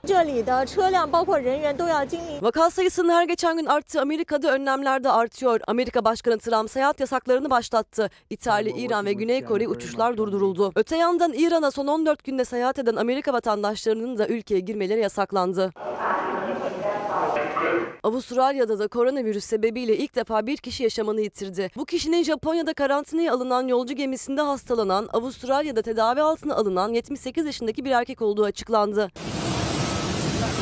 Avrupa'nın virüsten en çok sarsılan ülkesi İtalya'da koronavirüs teşhis edilen kişi sayısı bini geçti. İngiltere'de ise 12 kişide daha koronavirüs tespit edildi. Vaka sayısı 35'e yükseldi. Mültecilerle ilgili haberler, görüntüler sizlere aktarıyoruz. Bu arada Konya'dan bir öğretmenimiz Selen öğretmen, Selen Ekici de o kadar üzüntülüyüz ki şehitlerimize diyor. Baharın gelişini bile hissedemedik diyor Selen öğretmenimiz. Ve Aydınlık'ta çözüm bu görüşmede. Şimdi Ankara'ya bunu soracağım. Serdar hazırlı, hazır olduğu zaman bana söyleyin Engin'i. Engin Yılmaz'la konuşacağız. Çözüm bu görüşmede. Engin Yılmaz'a ilk sorun bu olacak efendim. Bakın Aydınlık gazetesi 5 Mart'ta Moskova'da Erdoğan'la Putin arasındaki görüşmeye ilişkin bu manşeti atmış. Peki Ankara hazırmış. Yönetmenim beni uyarmakta. Dönelim. Engin bugün 2 Mart. Bundan 3 gün sonra Moskova'da Moskova'da olması önemli çünkü önce Ankara'da yapılacağı belirtilmekteydi. Moskova'da bir zirve olacak.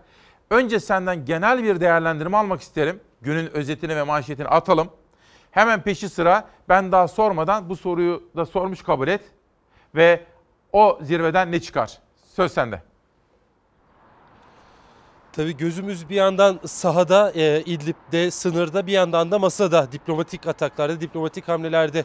E, o hain saldırının olduğu günden bu yana e, Türkiye sahada Mehmetçik'le karşılığı veriyor Esad rejimine ama bir yandan da diplomatik temaslarını yoğun bir şekilde sürdürüyor. Cumhurbaşkanı Erdoğan, Dışişleri Bakanı, Cumhurbaşkanı'nın kurmayları, e, Milli Savunma Bakanı muhataplarıyla e, önemli görüşmeler gerçekleştiriyor. Şimdi dünyanın gözü kulağı bir görüşmede, tabii ki Erdoğan-Putin görüşmesinde tarih ne olacak, yeri neresi olacak soruları soruluyordu. E, Rusya'dan bir açıklama geldi. 5 Mart denildi ve Moskova'da görüşmenin olacağı söylendi ama bundan bir hafta önce o hain saldırıda e, bundan bir hafta önce yaklaşık Cumhurbaşkanı Erdoğan e, görüşmenin İstanbul ya da Ankara'da olabileceğini söylemişti. Dörtlü zirveden bahsediliyordu o zaman.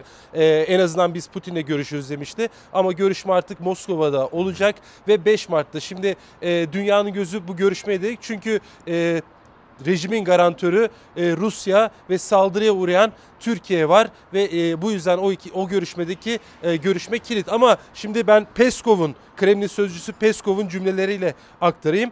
E, bu elbette zor bir görüşme olacak diyor İsmail Küçükkaya. Yani e, en basit haliyle anlatırsak tek kelimeyle ya da iki kelimeyle zor görüşme. Neden zor görüşme? Çünkü Rusya'nın bugüne kadarki tavrı belli. Yani 33 askerimizin şehit edildiği saldırıdan sonra bile Moskova'dan yapılan ilk açıklamada o saldırıyı haklı meşru gösterme gayreti vardı. Yapılan açıklama böyleydi. Türk askerinin olmaması gereken yerde olduğunu söylüyorlardı. E, rejimin teröristleri hedef aldığını söylüyorlardı. Türkiye'nin askerlerin bulunduğu yerin koordinatlarını Rusya'ya bildirmediğine yönelik bir açıklama yapıldı ve bu açıklama o saldırının haklı ve meşru göstermeye yönelikti. E, bugüne kadar e, Ankara-Moskova hattında bazı gerilimler oldu geçmiş yıllarda ama son dönemde önemli bir yakınlaşma vardı. Ta ki birkaç aya kadar bu tırmanan gerilimde Ankara Moskova'da uzaklaştı. Liderler arasında temas hep sürdü ama e, bu gerilim Erdoğan-Putin görüşmesine yansıyacak. Şimdi Peskov'un cümleleriyle devam edeyim. E, zor bir görüşme olacak diyor ancak liderler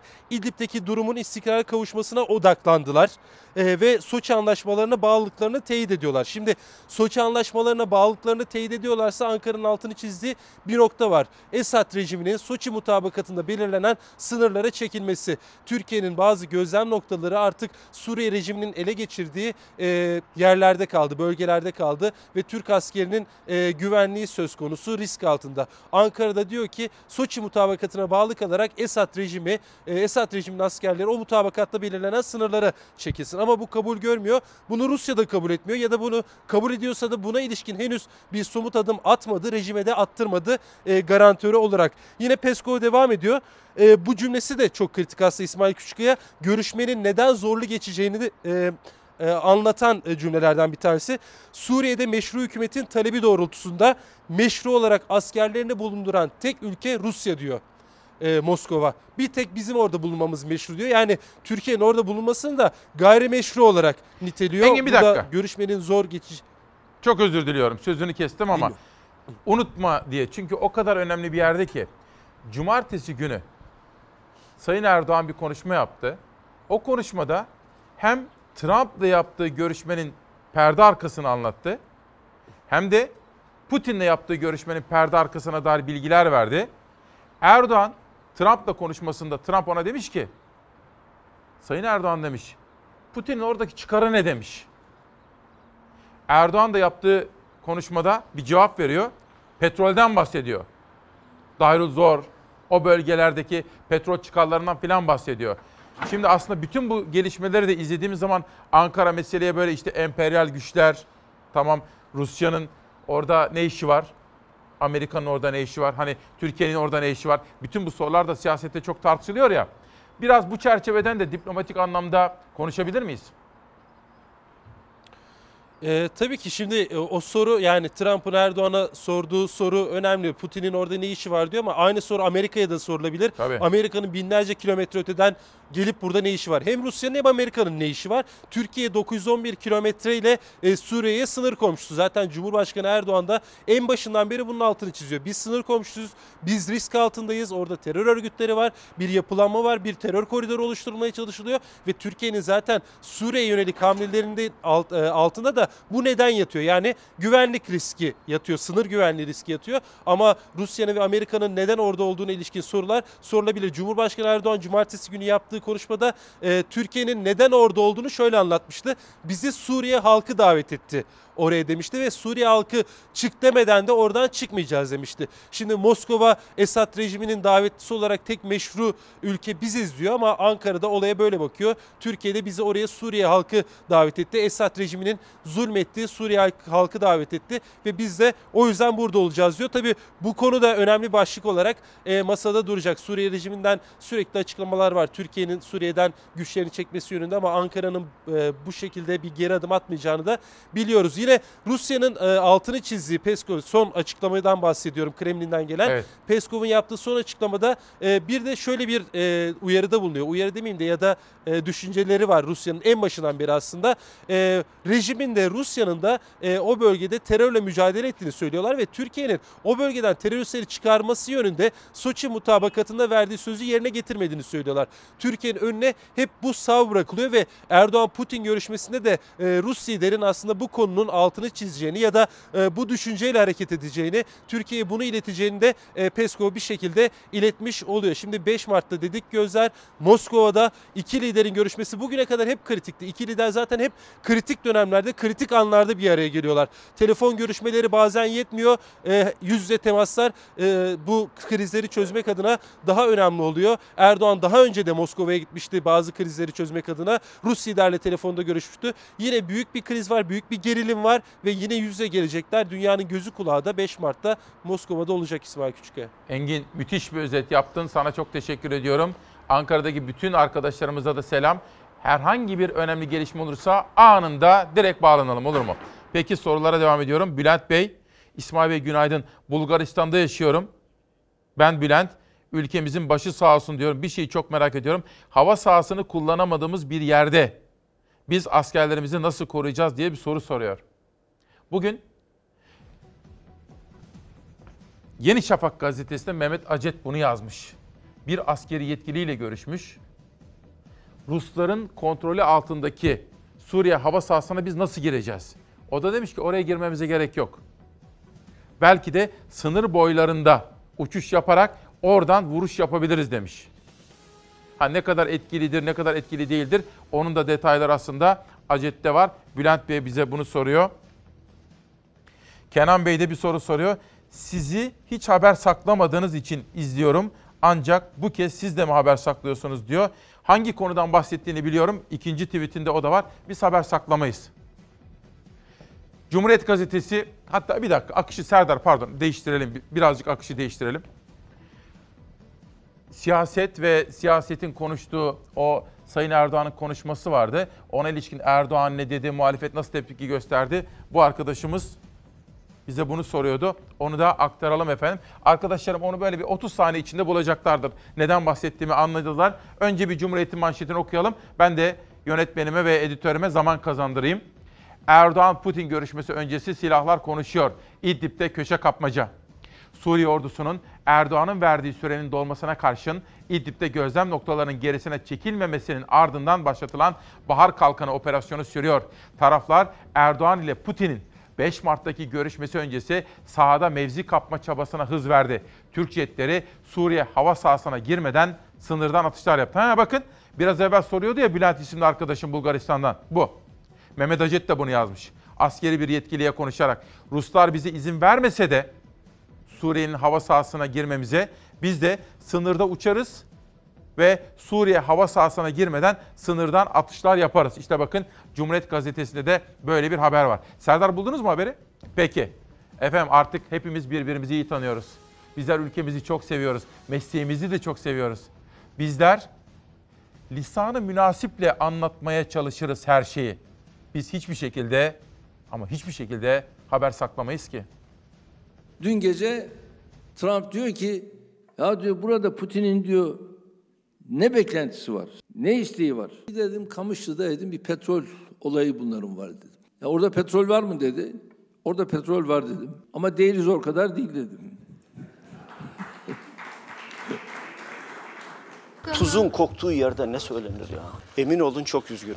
Ya cenazeler defnedilmeden bu nasıl bir konuşmadır? Daha acılar yaralar sarılmadan bu nasıl kahkahadır? Sayın Cumhurbaşkanı'nın konuşmasında görülmüştür ki şehitler ölmez ama devletin dili ölmüştür. Şehitler ölmemiştir ama devletin edebi ölmüştür. Merhamet ölmüştür. İdlib şehitleri nedeniyle siyasetin tüm tartışmaları rafa kalkmıştı. Ama Cumhurbaşkanı'nın yaptığı konuşmada sarf ettiği sözler, gezi olaylarını gündeme getirmesi, muhalefete yönelik eleştirileri CHP ve İyi Parti cephesinde yankılandı. 500 metre ötede Bezmi Alem Valide Sultan Camii'ni 3 gün 3 gece işgal ettiler. Bugün hükümetin kalpsizliğini onlara hatırlatma günü. Sayın Cumhurbaşkanımız bizim 36 şehidimiz var. Gün boyu sürekli liderlerle görüşmelerimiz oldu. Ana muhalefetin başı hariç. O arama lütfunda bulunmadı. Neymiş ben onu arayacakmışım.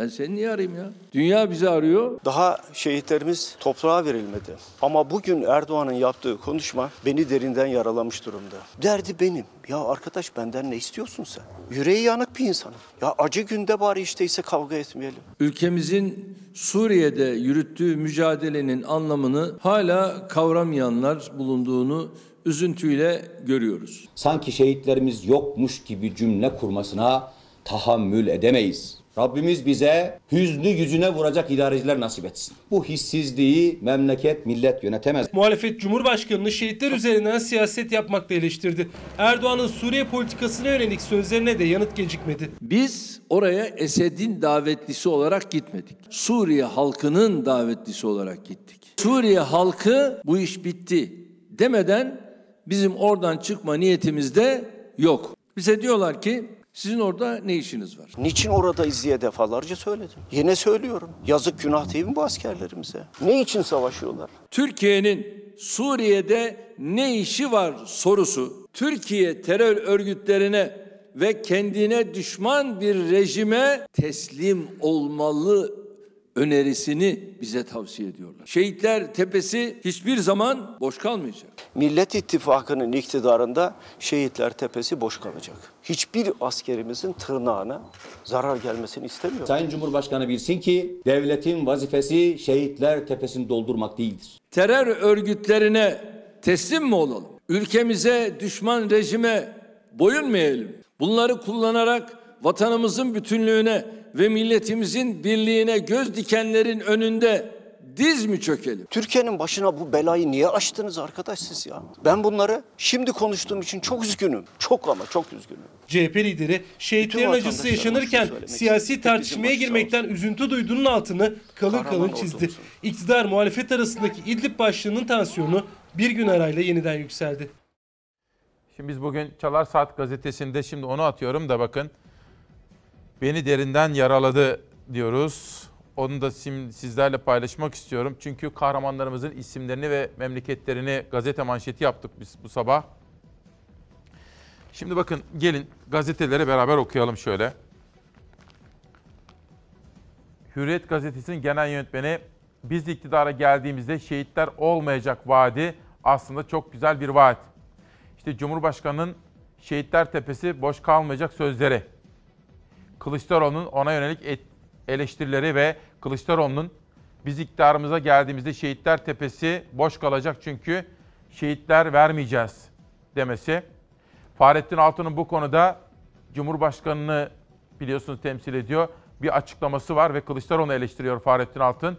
Ancak bugün Ahmet Hakan da biz iktidara geldiğimizde şehitler olmayacak vaadi aslında çok güzel bir vaat diyor. Yazısının en son cümlesini okuyorum. Bizim iktidarımızda şehitler olmayacak vaadine düşmanlık yapmak doğru bir tutum değil. Çünkü bu vaat aslında çok güzel, çok umut verici, çok ferahlatıcı, çok kıymetli bir vaattir. Siz ne diyorsunuz efendim? Şehitler Tepesi boş kalmayacak denilmesi veya bizim iktidarımız zamanında Şehitler Tepesi boş kalacak, şehit vermeyeceğiz denilmesi. Sizin yorumunuzu merak ediyorum. Bu arada bakın Hatay'a gitmiş deneyimli gazeteci yazar Yavuz Donat da bu vatan kimin diye soruyor. Şehit cenazelerini Hatay'dan takip etmiş, izlenimlerini yazmış. Ateş düştüğü yeri yakar değil mi? Öyle deriz. Ne kadar aslında acımasız bir cümledir o. Ateş düştüğü yeri yakıyor. Selçuk Candan Sayar o da Bir Gün gazetesinde böyle bir yazı kalemi almış. Öyle midir efendim? Ateş düştüğü yeri mi yakar sadece? Bizim yüreğimizi yakmaz mı? Hissetmez miyiz biz? Mesela Hatay'daki bir şehidin acısını yüreğimizde hissetmez miyiz biz? Ve Barış Terkoğlu da özellikle emperyal güçlerin bölgedeki tutumlarına değiniyor ve Ankara'nın politikasının da hatalı olduğunu söylüyor. Emperyal güçleri, bakın azıcık aşağı insin kameraman arkadaşım. Erdoğan emperyalistleri davet ediyor diyor Barış Terkoğlu. Yazısının sonunu okuyorum sizlere. Türkiye Suriye'deki yanlış politikaların sonucunda tam 10 yıl kaybetti. Sahada cihatçıların karşısındaki herkesi hedef alarak açılacak bir savaş ise bir asır kaybettirir. Bu savaşın sonunda çıkacak fotoğrafı ancak kilitli sandıkta saklarız. Öyleyse yanmasın Suriye, yıkılmasın İdlib, yaşasın Mehmetçik. Diyor ki, şu anda yaşadığımız sıkıntılar eğer büyük bir savaşa dönüşürse biz bir asır kaybederiz diyor Barış Terkoğlu böyle bir yazı yazmış. Gördüğünüz gibi 6 ayrı yazardan alıntılar yapıyorum.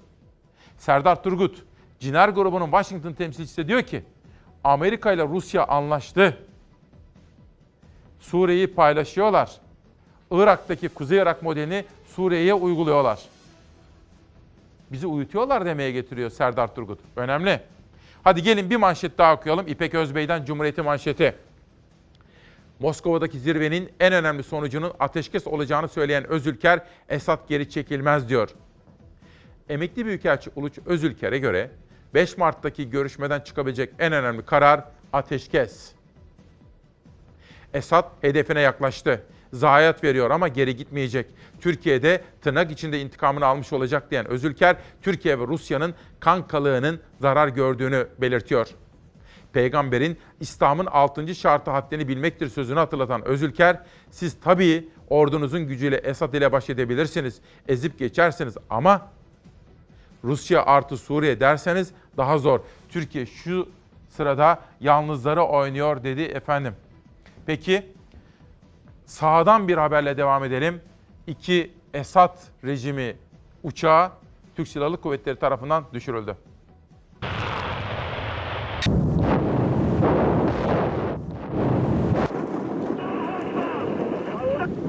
İşte Bahar Kalkanı Harekatı'nın en sıcak anları. Sınır ihlali yapan iki Suriye uçağı böyle vuruldu.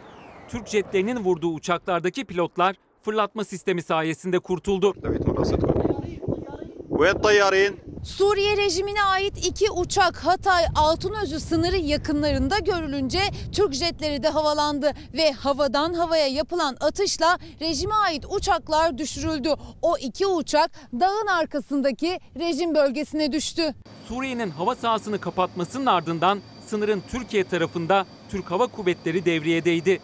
Rus yapımı Su-24 tipi rejime ait uçaklar Türk jetlerini taciz etti, havada gerginlik arttı.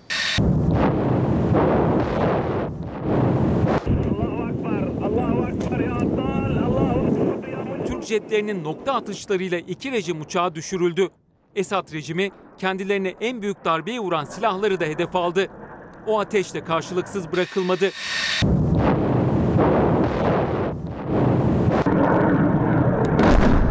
Hava sahası kapalı olduğu için Türkiye Bahar Kalkanı operasyonunu SİHA'larla sürdürüyor. O SİHA'lardan biri rejim güçleri tarafından düşürülünce Türkiye misliyle karşılık verdi ve rejime ait 3 hava savunma sistemi imha edildi. Silahlı insansız hava araçlarının vurduğu darbe bu kadarla da sınırlı değildi. Halep'teki Neyrap Askeri Havalimanı Türk Silahlı Kuvvetleri tarafından kullanılamaz hale getirildi. Bu havalimanı Suriye ordusu için kritik öneme sahip. Varil bombası atan helikopterler de bu havalimanından kalkıyordu. Bütün bu olup bitenler beni derinden yaraladı diyoruz. Hissediyoruz değil mi? Yaşadıklarımızı ama bir taraftan sorguluyoruz. Yapıcı bir dille eleştiriyoruz ama net bir şekilde sorgulama ve eleştirme sizlerin hakkı. Aynı zamanda da hakikati arıyoruz. Bugün bir taraftan Türkiye'nin çok farklı illerinden manşetler seçtik sizlere.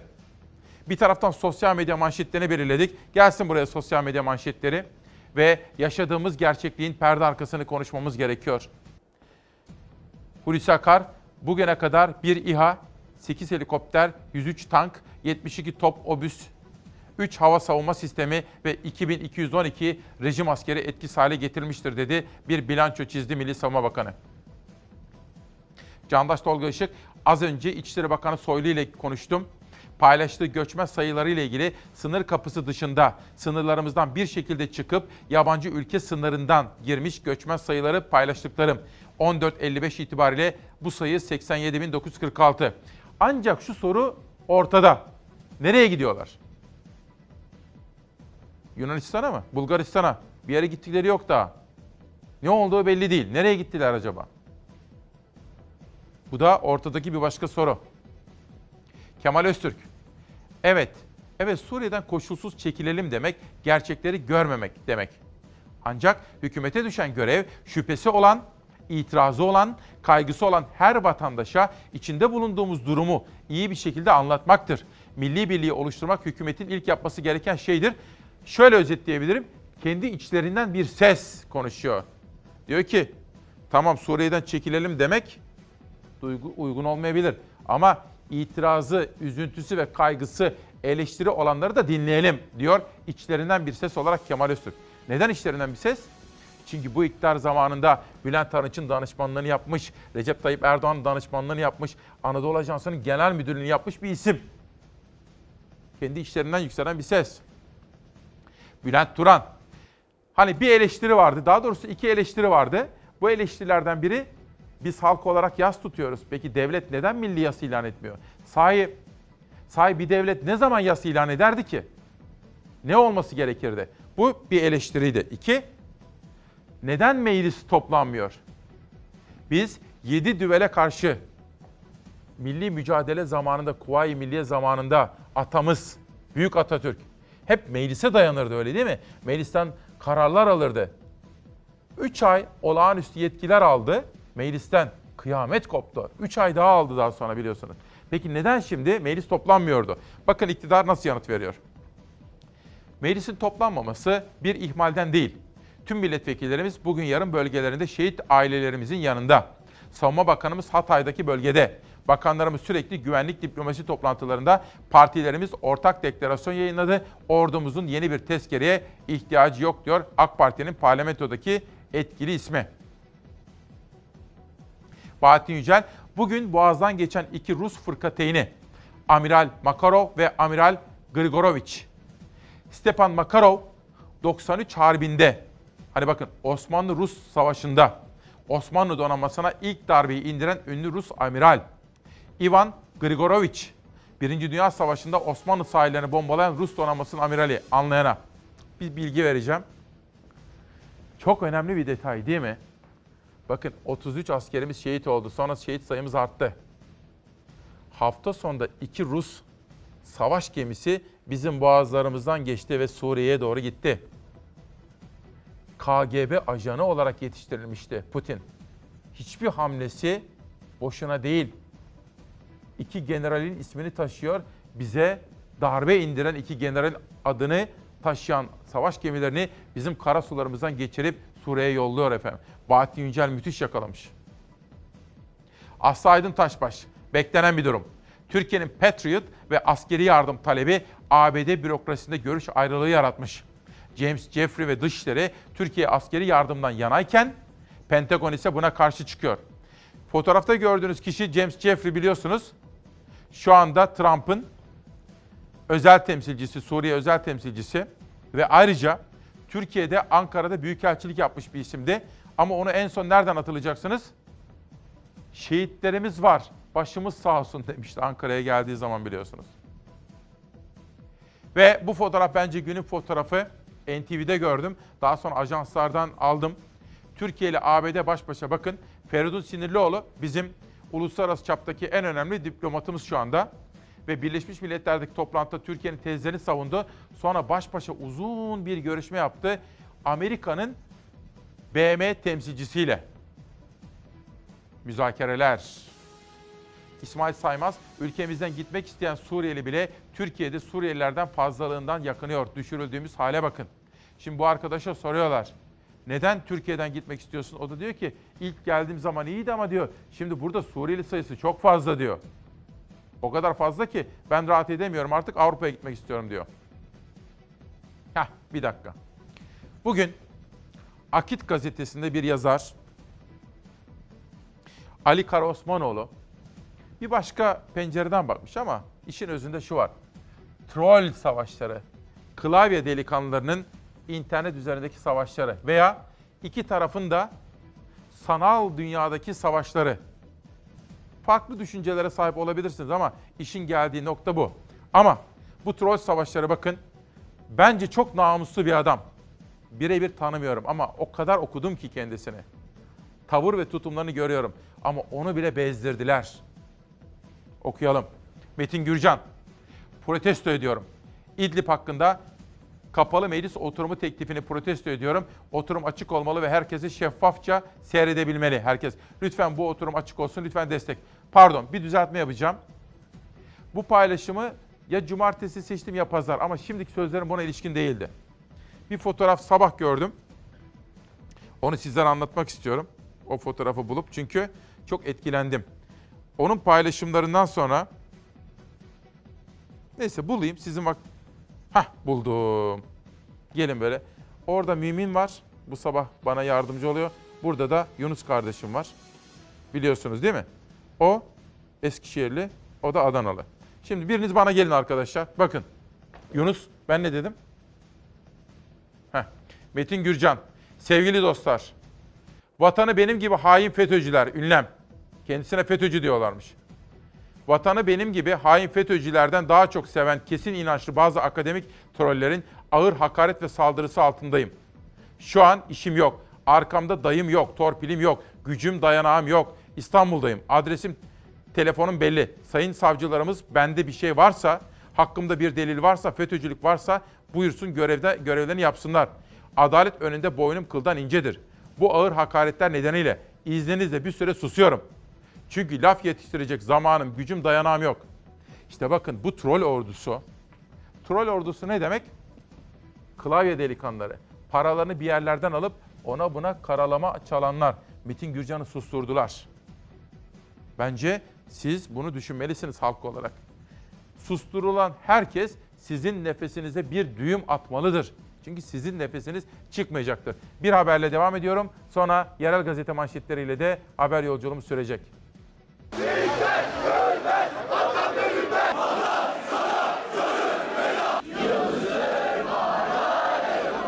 Dev Türk bayrakları açıldı, istiklal marşları okundu, şehitler için yurt genelinde vatandaşlar sokağa döküldü. Tüm şehirleriyle Türkiye şehitlerine veda etti.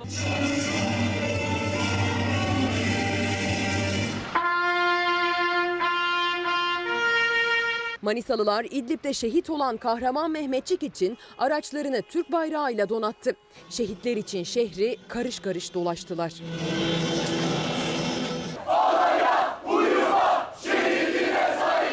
Antalya'nın Alanya ilçesinde eline Türk bayrağını alan sokağa çıktı.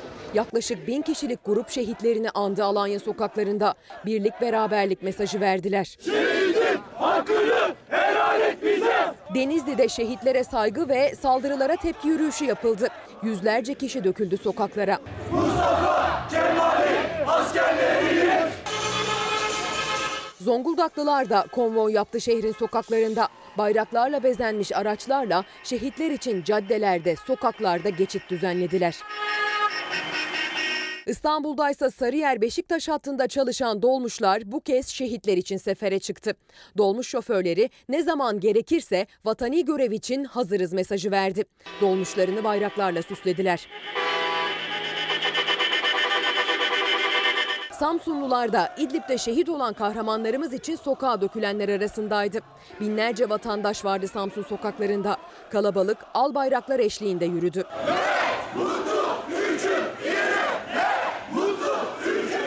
Şehitlerimize Allah rahmet eylesin. Mücadeleye devam.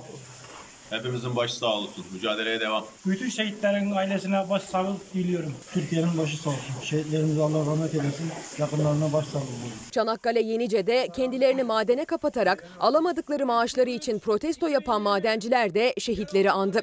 Türkiye'ye ve ailelerine başsağlığı dilediler. Şehitler için madende dualar okundu. قل هو الله أحد الله الصمد لم يلد ولم يولد işte bugün özel yayınlardan biri efendim. Şimdi bu sabah bana imzalı gelen kitaplara da şöyle bakmak isterim. Mücevher, Eser, Elgür. Bu albümden bir tane de Fatih Portakal'a gönderdiler. O da masamda biraz sonra Fatih kardeşime bırakacağım. Engin Deniz Uzun. Henüz dinlemedim ama çok teşekkür ediyorum kendisine. Bir de Fatih Orbay, Anadolu'nun Kuşları. Çok kapsamlı bir çalışma, bir bilimsel eser. Tekfen yayınlarından çıktı efendim. Onun da altını çizelim. Bu arada Serkan Yazıcı ile konuştum. Cuma günü bir arkadaşım sormuştu. Özellikle o farklı spor dallarından bana bir isim verdi Serkan Bey. Dedi ki Ayhan Can Güven. Bu konuda çalıştık. Türkiye'nin adını dünyada duyuran, İstiklal Marşımızı dalgalandıran bir arkadaşımız. İlerleyen dakikalarda sizlere aktaracağım onu. Çünkü motor sporları, ralliler ve özellikle ülkemizin adını duyurmak, İstiklal Marşımızı çaldırmak ve bayrağımızı göndere çekmek bu arkadaşımıza dikkat çekti Serkan Yazıcı. İlerleyen dakikalarda veya bugün vaktim kalmasa yarın anlatırım. Haber bir taraf. 34 can gitti, Türkiye gülmüyor. Ateş düştüğü yeri yakar derler. Bu kez ateş İdlib'den gelen haber ile tüm Türkiye'yi yaktı. 34 vatan evladını yitip gittiği saldırı sonrası şehitlerimizin tabutu başında ağlayan annelerimiz. Bir taraftan halka geçelim. Samsun'dayım. Kadere bak. Samsun'da şehidini uğurladı. İkisi de Samsunlu, ikisi de piyade uzman çavuş. Türk Silahlı Kuvvetleri'nin kadrosuna aynı zamanda girdiler. Aynı sofrayı koğuşu paylaştılar. Acı kaderleri İdlib'deki saldırıda onları sırt sırta yakaladı. Birlikte şehit oldular. Birer gün arayla defnedildiler ve Samsun onları vatan toprağına emanet etti.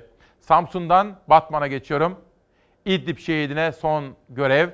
Tabutu örten bayrak babasına verildi diyor ve Batman'ımıza da bir başsağlığı diliyorum. Batman'dan Yozgat'a geliyorum. Her ilimizden şehidimiz var. Bu da beni derinden yaraladı. Her ilimizde kahramanlarımıza rahmet diliyorum. Özellikle ailelerine sabır diliyorum. On binlerce Yozgatlı dualarla cennete yolcu etti. Şehit piyade uzman çavuş Hasan Hüseyin Özdemir. Oradan bir de Hatay'a geçelim. Hatay şehitlerini uğurladı. Milletimizin başı sağ olsun. Hatay'daki görüntüler. Az evvel Yavuz Donat da Hatay'daki izlenimlerini paylaşmıştı. Sizlere özet olarak sunmuştum. Kayseri'ye geçiyorum. Kayseri, canım Alim, canım Alim bak annen ağlamıyor dedi. Ve şehidimizin son yolculuğuna gönderildiği olaya ilişkin haber Kayseri Olay Gazetesi. Mersin Çukurova, gözyaşları yağmura karışıp sel oldu. Acılı anne evladını asker selamı ile uğurladı. Oradan Kütahya'ya geçelim. Kütahya'da da 20 binden fazla hemşerim bir araya geldi. Dualarla kahramanımızı, şehidimizi son yolculuğuna uğurladı. Bir de Trakya'ya geçelim. Trakya'da şehidini uğurlamıştı. Onun dışında bir de ilerleyen dakikalarda sınırdaki insanlık dramına ilişkinde haber. Avrupa'yı da uyarıyor ve eleştiriyor Necati Doğru.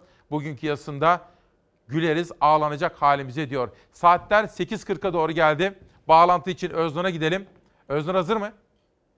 Hazır peki. Öznur Aslan. Öznur günlerden beri en sağlıklı haberleri sizden almaya gayret ediyoruz. Fedakarca yayın yapıyorsunuz. 2 Mart 2020. Acaba bugünün manşetinde neler var?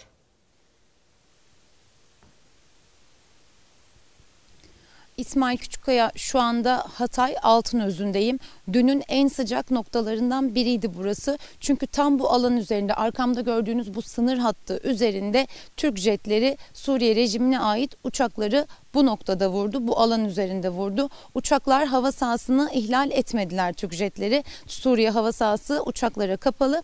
Ancak e, uçaklarımız gün boyunca bu hat üzerinde neredeyse devriye geziyorlar diyebileceğimiz kadar yoğun bir şekilde havadaydı ve sonrasında da öğleden sonra saatlerinde de rejim güçlerine ait iki uçağın bölgede olduğu tespit edildi. Bir anlamda tacizdi yaptıkları. E, Hatay sınırı girintili çıkıntılı olduğu için bu, şu an arkamda görünen yer İdlib bölgesine bağlı ama biraz daha sola, biraz daha batıya doğru gittikçe rejimin kontrolünde olan alanlar da sınır hattımıza giriyor. İşte böyle bir girintili çıkıntılı hat üzerinde o tacizle birlikte jetler havadan havaya ateş ederek o iki uçağı düşürdüler ve böylece e, Suriye rejimine önemli bir darbe vurulmuş oldu. Diğer taraftan aslında bu operasyonun en çok öne çıkanları SİHA'lar. E, Türkiye'nin planı ne acaba diye çok düşünmüştük. E, Savunma Bakanı Hulusi Akar'da sık sık sorulmuştu ve o da her defasında hava sahası kapalı olsa bile A, B, C planlarımız, bütün planlarımız hazır demişti.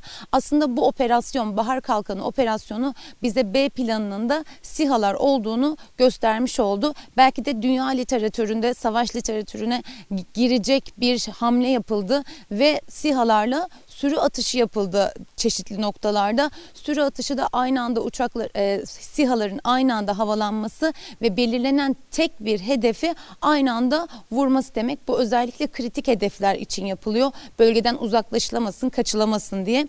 E, bu sürü atışı El Neyrab hava üstünde denendi. İki gün önce e, daha operasyon ismi bile açıklanmam, açıklanmamıştı. SİHA'lar havadaydı. El Neyrab hava üstünü vurmuşlardı ve Esad'ın İdlib'deki gidişini e, yöneten dört önemli isim, iki generali, iki komutan e, vurulmuştu. E, onların bulundukları hava üssü vurulmuştu. Ertesi günde SİHA'lar yine sürü atışı yaparak orayı öylece bırakmadılar El Neyrab hava üssünü. Orayı tamamen kullanılamaz hale getirdiler. Bu SİHA'ların çok büyük başarısıydı ki SİHA'lar İdlib'in güneyinde de devre, devredeler.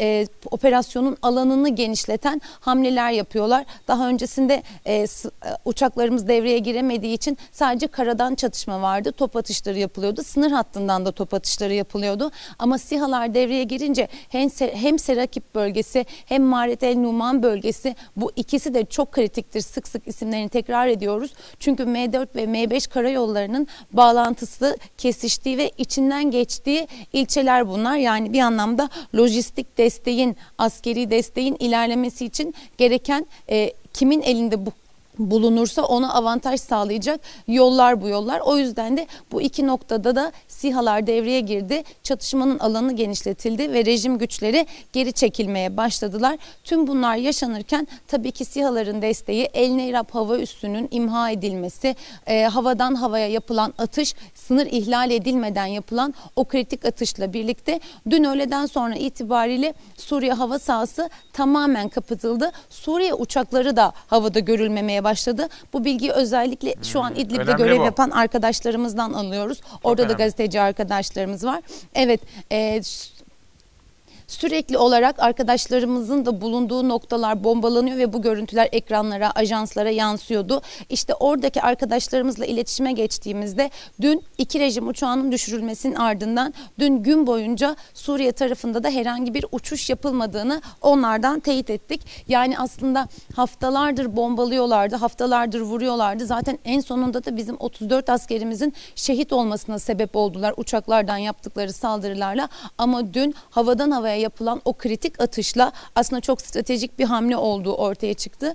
E, uçuşlar durdu. Ama gece yarısından sonra çeşitli kaynaklardan bölgede yine Suriye uçaklarının havalandığına dair bilgiler geldi. Ancak bunlar teyide muhtaç bilgiler. Çünkü çoğunlukla Milli Savunma Bakanlığı'ndan e, onay aldıktan sonra bakanlık onayladıktan sonra duyuruyoruz böyle şeyleri. Ama bu sadece bir ihtimal bir açıklama e, ama net değil. Bakanlığında onaylaması durumunda ancak tekrar e, teyitli olarak paylaşılabilir. Bütün bunlar yaşanırken tabii ki e, Suriye Suriye rejimine ait güçlerin geriye çekilmesi söz konusu oldu. Alınan bu ağır darbelerle birlikte dün akşam saatlerinde artık 9 köyden daha geri çekildikleri tespit edildi ama gece de çatışmalar devam etti. Sabah da çatışmalar devam etti. Bu çatışmaların bilançosunu da önümüzdeki saatlerde alacağız ve ilerleyen saatlerde de seyircilerimizle paylaşacağız. Öznur bir soru sorabilir miyim? Şimdi seni iyi tanıyoruz. Sen bizim polise bakan muhabirimizsin, işte sahaya giden muhabirimizsin. Bütün başarılı muhabirlerimiz gibi halkın da içindesin. Bir soru aklıma geldi şimdi. Sence bütün şehitlerimizin evlerinin ortak özelliği nedir? Yoksulluk. Evet. Teşekkür ederim. Şimdi Öznur'a yeniden bağlanabiliriz. Dört ayrı bağlantı noktamızda bağlantıdaki arkadaşlarımız her an hazırlar. Gelişmeleri sağdan da dikkatle takip ediyoruz. Fox'ta ilk andan itibaren biliyorsunuz gece yarısında geldik buraya. Gece 1.50'den itibaren yayın yapmıştık. Tek derdimiz siz en sağlıklı bilgiyi alın. En doğru bilgiyi alın. Çünkü dezenformasyon var, bilgi kirliliği var efendim. Ve bakın bu fotoğrafları özellikle seçtirdim. Öznur'a da sordum ya. Şehit evlerinin ortak özelliği tek kelime söyledi. Bakın yoksulluk dedi. Öyledir. Bakın bayrağımız, şanlı bayrağımızın asılmış olduğu o evler, kerpiç evler, çoğu başka zamanlardan da hatırlayacaksınız. Sıvası bile yoktur o evlerin çoğunun. Daha tam olarak bitmiş de değildir. Türkiye'de şehitlerimizin evlerinin ortak özelliklerini hepiniz bilmektesiniz. Efendim şöyle bir 7-8 dakikalık bir müsaadenizi isteyeceğim. Zor zamanlar. Birazcık soluklanıp böyle dinlenip ondan sonra yeni haberlerle huzurlarınıza geri geleceğim. Sizler de televizyon açık dursun. Orada varsa bir işiniz, telefonunuz, şuyunuz, buyunuz onu da onu yapın. Böyle 7-8 dakika ama o arada ben size iki kitap tanıtımı daha yapayım. Bir Mücevhercinin Sırları Eser Elgür yazmış, imzalamış ve yollamış. Ve bir de bir fotoğraf sanatına ilişkin bir kitap. Tayfur Coşkun Üzer, Fotoğraf Günlüğü. İzin verir misiniz efendim? Biraz soluklanıp geri gelelim. 2 Mart 2020 günlerden pazartesi zor ve ağır sabahlardayız. Ancak biz hakikate tutunmak durumundayız. Hakikat yolculuğundayız çünkü doğruyu konuşmamız gerekiyor. Ne kadar ağır olsa da doğruyu konuşmalıyız. İsmail Küçükkaya Demokrasi Meydanı'ndasınız. Şu andan itibaren Savaş Yıldız yönetmen koltuğunda beni derinden yaraladı dediğimiz bu sabahta gazete manşetleriyle haber yolculuğumuza devam ediyoruz. İlk kuşakta hürriyetle başlamıştım. Bu kez postayla başlıyorum. Avrupa dramı. Kapıların açıldığı haberini alır almaz Avrupa'ya gitmek umuduyla yollara düşen göçmenlerin sınırlara akını sürüyor. Yunan askeri aralarında onlarca çocuk ve yaşlının olduğu göçmenlere gaz bombası atıyor. İnsan kaçakçıları 10 kişilik lastik botlara 30 kişi doldurup ölümüne denize açılıyor. Medeniyetin beşiği Avrupa bu insanlık dramına yine gözlerini kapatıyor. İşte bugün konuşmamız gereken fotoğraflardan, sorgulamamız gereken hakikatlerden birisi bu. Günün ilk manşetlerinden birisiydi. Ola ki yeni uyanmış olabilirsiniz. Erdoğan'la Putin daha evvel planlandığı gibi Türkiye'de değil, Moskova'da buluşacaklar ve 5 Mart'ta iki lider İdlib krizini çözmek üzere bir zirvede bir araya geliyorlar. Günün ilk manşetini atmış olalım. Ve şehitlerimiz, kahramanlarımız, Şehitler Tepesi diye bir tartışmamız var efendim. İzleyelim.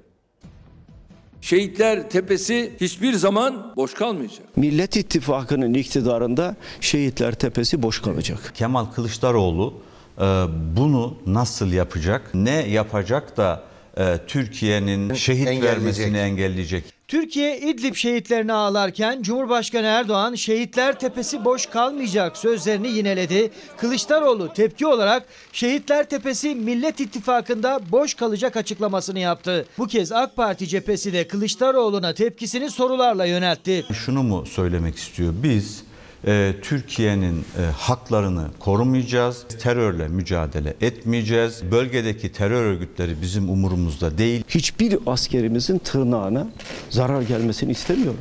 Türkiye İdlib'de yaşanan hain saldırı sonrası şehit Mehmetçiklerini toprağa verdi. Cumhurbaşkanı terörle mücadele toprak bütünlüğü vurgusu yaparak şehitler tepesi boş kalmayacak dedi. Bu sözler iktidarla muhalefet arasında ipleri gerdi. Sayın Cumhurbaşkanı bilsin ki devletin vazifesi şehitler tepesini doldurmak değildir. Terör örgütlerine teslim mi olalım? Ülkemize düşman rejime boyun mu eğelim? Bunları kullanarak vatanımızın bütünlüğüne ve milletimizin birliğine göz dikenlerin önünde diz mi çökelim? Millet İttifakı'nın iktidarında şehitler tepesi boş kalacak. Türkiye toprak bütünlüğünü koruması gerekirken, Türkiye sınır güvenliğini koruması gerekirken Şehitler Tepesi nasıl boş kalacak? Bunu bir açıklaması gerekiyor. Cumhurbaşkanı Erdoğan'ın sosyal medya üzerinden verdiği son mesajlarında da aynı vurgu dikkat çekti. Zulme karşı verdiğimiz hak mücadelesi sonuna kadar devam edecektir. Şehitler Tepesi boş değildir, boş kalmayacaktır. Türkiye'nin başına bu belayı niye açtınız arkadaş siz ya?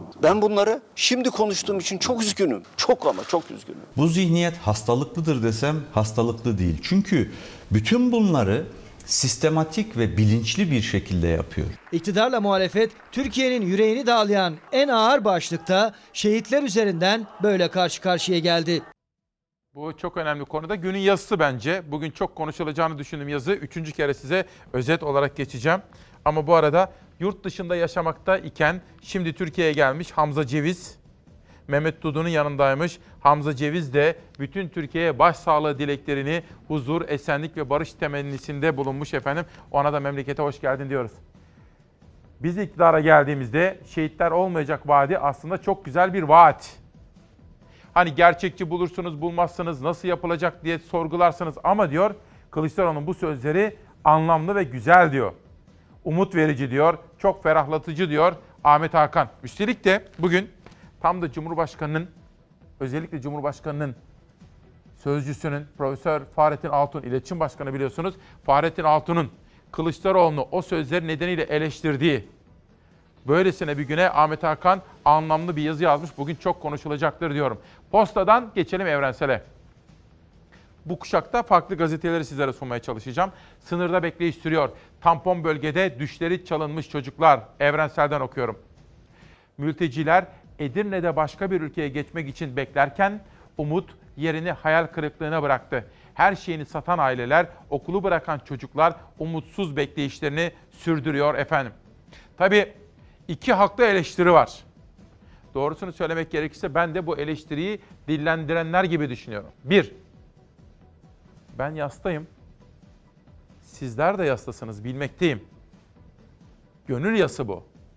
İnsanın canı bir şey yapmak istemiyor. İnsanın içinden gelmiyor, el vermiyor. Ama devletim, halk bu yası tutarken, bu kadar şehidimiz var iken devletimiz neden milli yasa ilan etmedi? Birinci eleştiridir. İki, bu kadar önemli bir konuda biz bu devletimizi meclis egemenliğine dayalı olarak kurduysak milli mücadele döneminde Büyük Önder Atatürk bile her fırsatta parlamentoya gidip bilgi verdiyse, denetlendiyse, 3 ay baş, başkomutanlık yetkisi almak için neler yaşadıysa neden şimdi parlamento açılmıyor? Siyasetin bundan daha önemli bir işi, meclisin bundan daha önemli bir görevi olabilir mi Allah aşkınıza?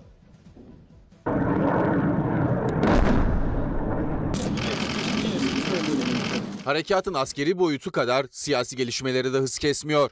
Cumhurbaşkanı Erdoğan'la Rusya lideri Putin 5 Mart'ta Moskova'da bir araya gelecek. Ama öncesinde Türkiye Büyük Millet Meclisi Genel Kurulu'nda salı günü kapalı oturum gerçekleştirilecek. Saat 15'te yapılacak kapalı oturumda Milli Savunma Bakanı Hulusi Akar'la Dışişleri Bakanı Mevlüt Çavuşoğlu İdlib'deki gelişmelerle ilgili bilgi verecek. Gelinen aşamada bizim Rusya'dan beklentimiz garantör ülke olarak taahhütlerini yerine getirmesi ve bu kapsamda rejim saldırılarının durdurulması ve Soçi mutabakatı sınırlarına çekilmesi için rejim üzerindeki etkilerini kullanmalarıdır.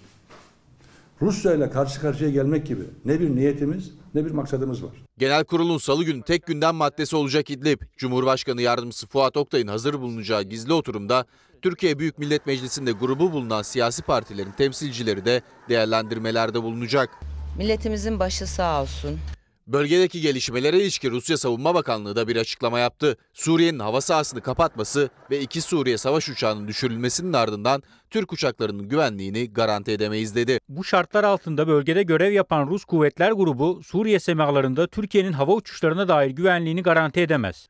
Suriye rejiminin sivillere yönelik saldırılarıyla oluşan göç dalgası ise Avrupa'nın öncelikli gündemi. Türkiye'nin açık kapı politikasıyla binlerce göçmen Avrupa sınırına dayandı. Bu aşamadaki en önemli önceliğimiz Yunanistan ve Bulgaristan'a tam destek sağlamak. Kara sınırımızı Avrupa Sınır ve Sahil Güvenlik Ajansı'ndan personel de dahil olmak üzere ek destek sağlamaya hazırız. Avrupa Birliği Komisyonu Başkanı Ursula von der Leyen yaptığı açıklamada Avrupa Birliği kara sınırlarındaki ülkelere destek sağlanacağını açıkladı. Göçmen akışını endişeyle izliyoruz dedi. Bulgaristan Başbakanı Boyko Borisov ise Leyen'le görüşmesinin ardından Türkiye'ye yardım edilmeli çağrısında bulundu. Böyle bir durumda Türkiye dahil hiçbir ülke tek başına bırakılmamalı. Bir an önce Türkiye'ye yardım edilmeli. Bulgaristan Başbakanlığından yapılan açıklamaya göre Borisov'un Ankara'yı ziyaret etmesi bekleniyor. Cumhurbaşkanı Recep Tayyip Erdoğan'la Borisov'un öncelikli gündemi Suriye'deki gelişmeler ve göç meselesi olacak. Şimdi tabii şunu söyleyeyim. Biz eleştirince eleştiririz. Hakkımız bu, görevimiz. Ama eleştirdiğimiz kişilerin bu konuda bir sözü, bir savunması varsa, bir açıklaması, argümanı varsa onu da aktarmak isteriz. Çünkü siz sağlıklı bilgiyi alın, yapbozları, parçaları siz birleştirin. Sizin hakkınıza, fikrinize güveniriz biz, sağduyunuza güveniriz. Ha, benim bir eleştirim vardır. Ama o eleştiriyi dile getiririm. Bu benim görevim. Ama bir görevim daha var. Eleştirdiğim kişiler bunu nasıl savunuyorlar? Bülent Turan'da gördüm. Yorumu size bırakmak için bakın. Bu işte tarafsızlık budur efendim. Bülent Turan. Meclisin toplanmaması bir ihmalden değil. Tüm milletvekillerimiz bugün yarın bölgelerinde şehit ailelerimizin yanında. Savunma Bakanımız Hatay'da bölgede. Bakanlarımız sürekli güvenlik diplomasi toplantılarında partilerimiz ortak deklarasyon yayınladı. Ordumuzun yeni bir tezkereye ihtiyacı yok dedi. Şimdi bakın benim görüşüm, vatandaşın görüşü ve iktidarın görüşü bu. En son karar kim? Siz karar vereceksiniz. Geçelim Evrensel'den sonra Milliyet Gazetesi'ne. Milliyet Gazetesi'nden bir manşet. Avrupa'ya merdiven. Binlerce göçmen sınıra yürüyor. Cihat Aslan ve Ozan Güzelce sınıra gitmişler. Pazar Kule'de bekleyen göçmenler önceki gece buldukları merdivenle dikenli telleri aşıp Yunanistan'a geçti. Mesela ben bu politikayı da uygun bulmuyorum doğrusu. Eleştirenler var, destekleyenler var. Ben bu kadar fedakarlık yaptık biz. 4 milyon Suriyeli ağırladık, ağırlıyoruz. 40 milyar dolar harcadık, daha da harcayacağız. Ben bu kadar cömertçe, bu kadar fedakarca bu adımları yapan bir ulusun bu tavrını da Avrupa 200'lü tamam. Avrupa bize verdiği sözleri yerine getirmedi tamam. Ama yine de biz etik duruşumuzu bozmamalıydık. Bu da benim şahsi kanaatim. Ama hükümet farklı düşünüyor, farklı bir adım attılar. Sıradaki haber sonra gazete manşetleriyle devam. Motoru aldılar, benzini de aldılar, attılar denize bıraktılar gitti. 5 saat kaldık orada. Lastik botlarıyla Yunan adalarına doğru hareket ettiler ancak denizde mahsur kaldılar. 5 saat sonra kurtarılan göçmenler Yunan sahil güvenlik ekiplerinin motorlarına ve yakıtlarına el koyduğunu iddia etti. Türkiye'nin Avrupa sınır kapılarını açtığı haberleri duyulur duyulmaz göçmen hareketliliği başladı. O hareketliliğin adreslerinden biri de İzmir'in Dikili ve Çeşme ilçeleri oldu. Dikili ve Çeşme'de bir araya gelen ve lastik botla Yunan adalarına geçmeyi planlayan göçmenler ölüm tehlikesi atlattı. Denizde 5 saat boyunca mahsur kalan göçmenlerin imdadına Türk sahil güvenlik ekipleri yetişti. Yaşadıkları olayı anlatan göçmenler Yunan sahil güvenlik ekiplerinin kendilerini ölüme terk ettiğini söyledi. İddialara göre Yunan ekipler Sakız Adası'na yaklaşan göçmenlerin botunun motoruna ve yakıtına el koydu. Denize geçirdikleri 5 saatin ardından yardım eli Türkiye'den geldi. Motoru aldılar, benzini de aldılar, attılar denize bıraktılar gitti. 5 saat kaldık orada. Bize bağırıyordular diyor. Ekipler ayrıca denizde motoru bozulduğu için mahsur kalan bir göçmen botuna daha yardım etti. Aralarında kadın ve çocukların bulunduğu göçmenler Çeşme iskelesine getirildi. Şimdi hafta sonunda tabii çok etkilendik. Çalıştık, çabaladık, konuştuk. Oturdum bilgisayarın başına bir yazı kalemi aldım ama şimdi tabii burada işte dualar var bizim için hepimiz. Ben kendim için de bütün ekip arkadaşlarım ve bütün hepimiz için sağ olun, teşekkür borçluyum ama şöyle düşünenler de var. Muro Başkan diye birisi. Kendi adı değil aslında. İsmail hiç samimi değilsin diyor. Ya bu kardeşin adının elinde samimiyet ölçer mi var acaba? Ha? Şöyle bir bakalım kimmiş. Şöyle bir merak ettim bu arkadaşı. Yani bana samimi değilsin demiş. Ya gerçekten bu ama önce bak samimi olsa kendi adını kullansın bence bu arkadaş. Tamam Sayın Cumhurbaşkanı seviyor AK Partili. Tamam bir şey demiyorum. Hepimiz bütün partiler bizimdir bakın. Ben böyle inanırım. AK Parti de benim, CHP de benim, MHP de benim, İyi Parti benim, Vatan Partisi benim, hepsi. Değil mi ki YSK izin veriyor? Anayasamıza göre faaliyette bulunuyorlar. Kapatılmadıkları sürece hepsi bizimdir. Ben parti gözüyle bakmam meseleye. Hiç öyle bakmam. Ama bu arkadaş beni eleştiriyorsa bakın ben eleştiriye açığım. Ama sen samimi değilsin. Ya bu ne kadar kötü. Niyet okuyucusu. Benim samimi olup olmadığımı nereden bileceksin sen? Ben olduğu gibi burada yayın yapmaya çalışıyorum. Yani halkımın içinde bulunduğu durumu gözler önüne sermeye çalışıyorum. Savaş hazır mı yazımız? Hadi okuyalım.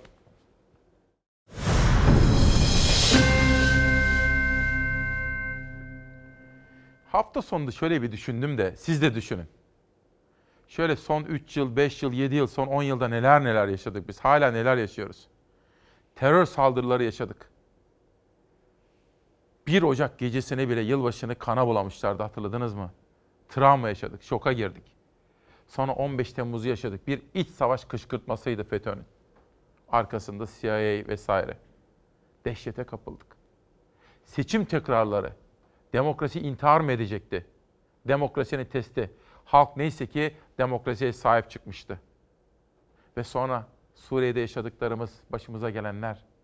Şimdi biz Suriye ile hatta ne Suriye'si Rusya ile savaşın eşiğindeyiz. Belki de savaşın içindeyiz. Çok zor zamanlar değil mi? Ağır bedeller ödüyoruz. Çok ağır. Bütün bu yaşadıklarımızın benim üzerimde, sizin üzerinizde, hepimizin üzerinde etkisi var. Psikolojimiz bozuluyor. Moralimiz yerlerde. Ülkenin neşesi ve halkın coşkusu kaçtı. Açık konuşmak gerekiyorsa hepimiz bir travma yaşıyoruz. Adı konmamış bir travma bu. Mesela İdlib şehitlerimiz değil mi? Kahramanlarımız şehit oldu değil mi? Ne kadar zor. Ne kadar ağır, acı. Yüreğimize kocaman bir kor ateş düştü değil mi? Hiçbir şey yapmak istemiyoruz. Antalya'ya gidecektik maratona. Çocuklarımız için paralar topladık. Kız çocuklarımız için. Amacına ulaştı ama gidemedik. Karolin Koç'la konuştuk hafta sonu. Nasılsa dedik görevimizi yaptık. Gidemedik, içimizden gelmedi. Ha, devlet tarafından yasa ilan edilmedi. Ama ben yastayım. Milletçe biz gönül yasındayız. Moralimiz yok. Daha kötüsü ne biliyor musunuz? Daha kötüsü şu. Sanki hiçbir şey yokmuş gibi, sanki her şey normalmiş gibi yaşıyoruz. Ben işte bunu tehlikeli ve sağlıksız buluyorum. İçimizde öfke birikiyor, içimizde acı birikiyor, içimizde yas birikiyor, içimizde gözyaşı birikiyor. Oysa uzmanlar, doktorlar bize derler ki, birey olarak da toplum olarak da acın varsa acını yaşa, yasın varsa yasını tut, içine atma. Şöyle bir bakın yaşadıklarımıza. İktidar değil mi? İktidarın hataları var. Tercihleri hatalı. Muhalefet etkisiz. Aydınlar sessiz. Toplum tepkisiz. Aslında her şeyi biliyoruz. Her şeyi görüyoruz ama hiç kimse acısını ve düşüncesini söyleyemiyor. Her şey normalmiş gibi. Değil. Üzgünüz. Çünkü insanız. Taştan yapılmadık, çelikten yapılmadık. Ve hepimiz içten içe biliyoruz ki ben de biliyorum, siz de biliyorsunuz ki yaşadığımız bütün bu olup bitenlerde sizin ve benim sorumluluğumuz var. Hepimiz acı içindeyiz bu doğru. Ama adeta her şey yolundaymış gibi, her şey normalmiş gibi yaşıyoruz. İşte ben bunu hem sağlıksız hem de sağlıksız olduğu kadar tehlikeli buluyorum.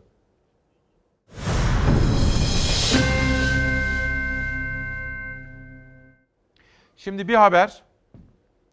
Utanç haberlerinden birisi. Avrupa utanıyor mu acaba? Dünya utanıyor mu? Mültecilerle ilgili bir haber, sonra bir bağlantı.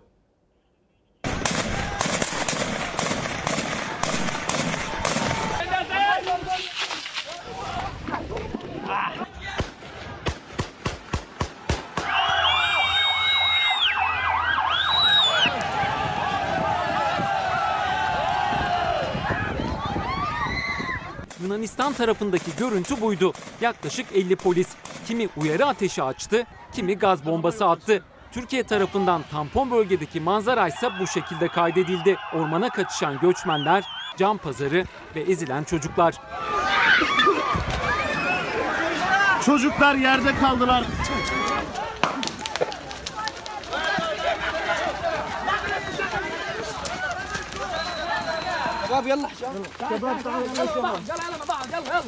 Mülteciler Türkiye Edirne sınırında sınır tellerinin birçok noktasını parçalayarak karşı tarafa geçmenin yollarını aramıştı. Gece ise Yunan polisi yeni tellerle o tahrip edilen noktaları onardı ve hemen yanı başında da gördüğünüz gibi nöbet tutuyor.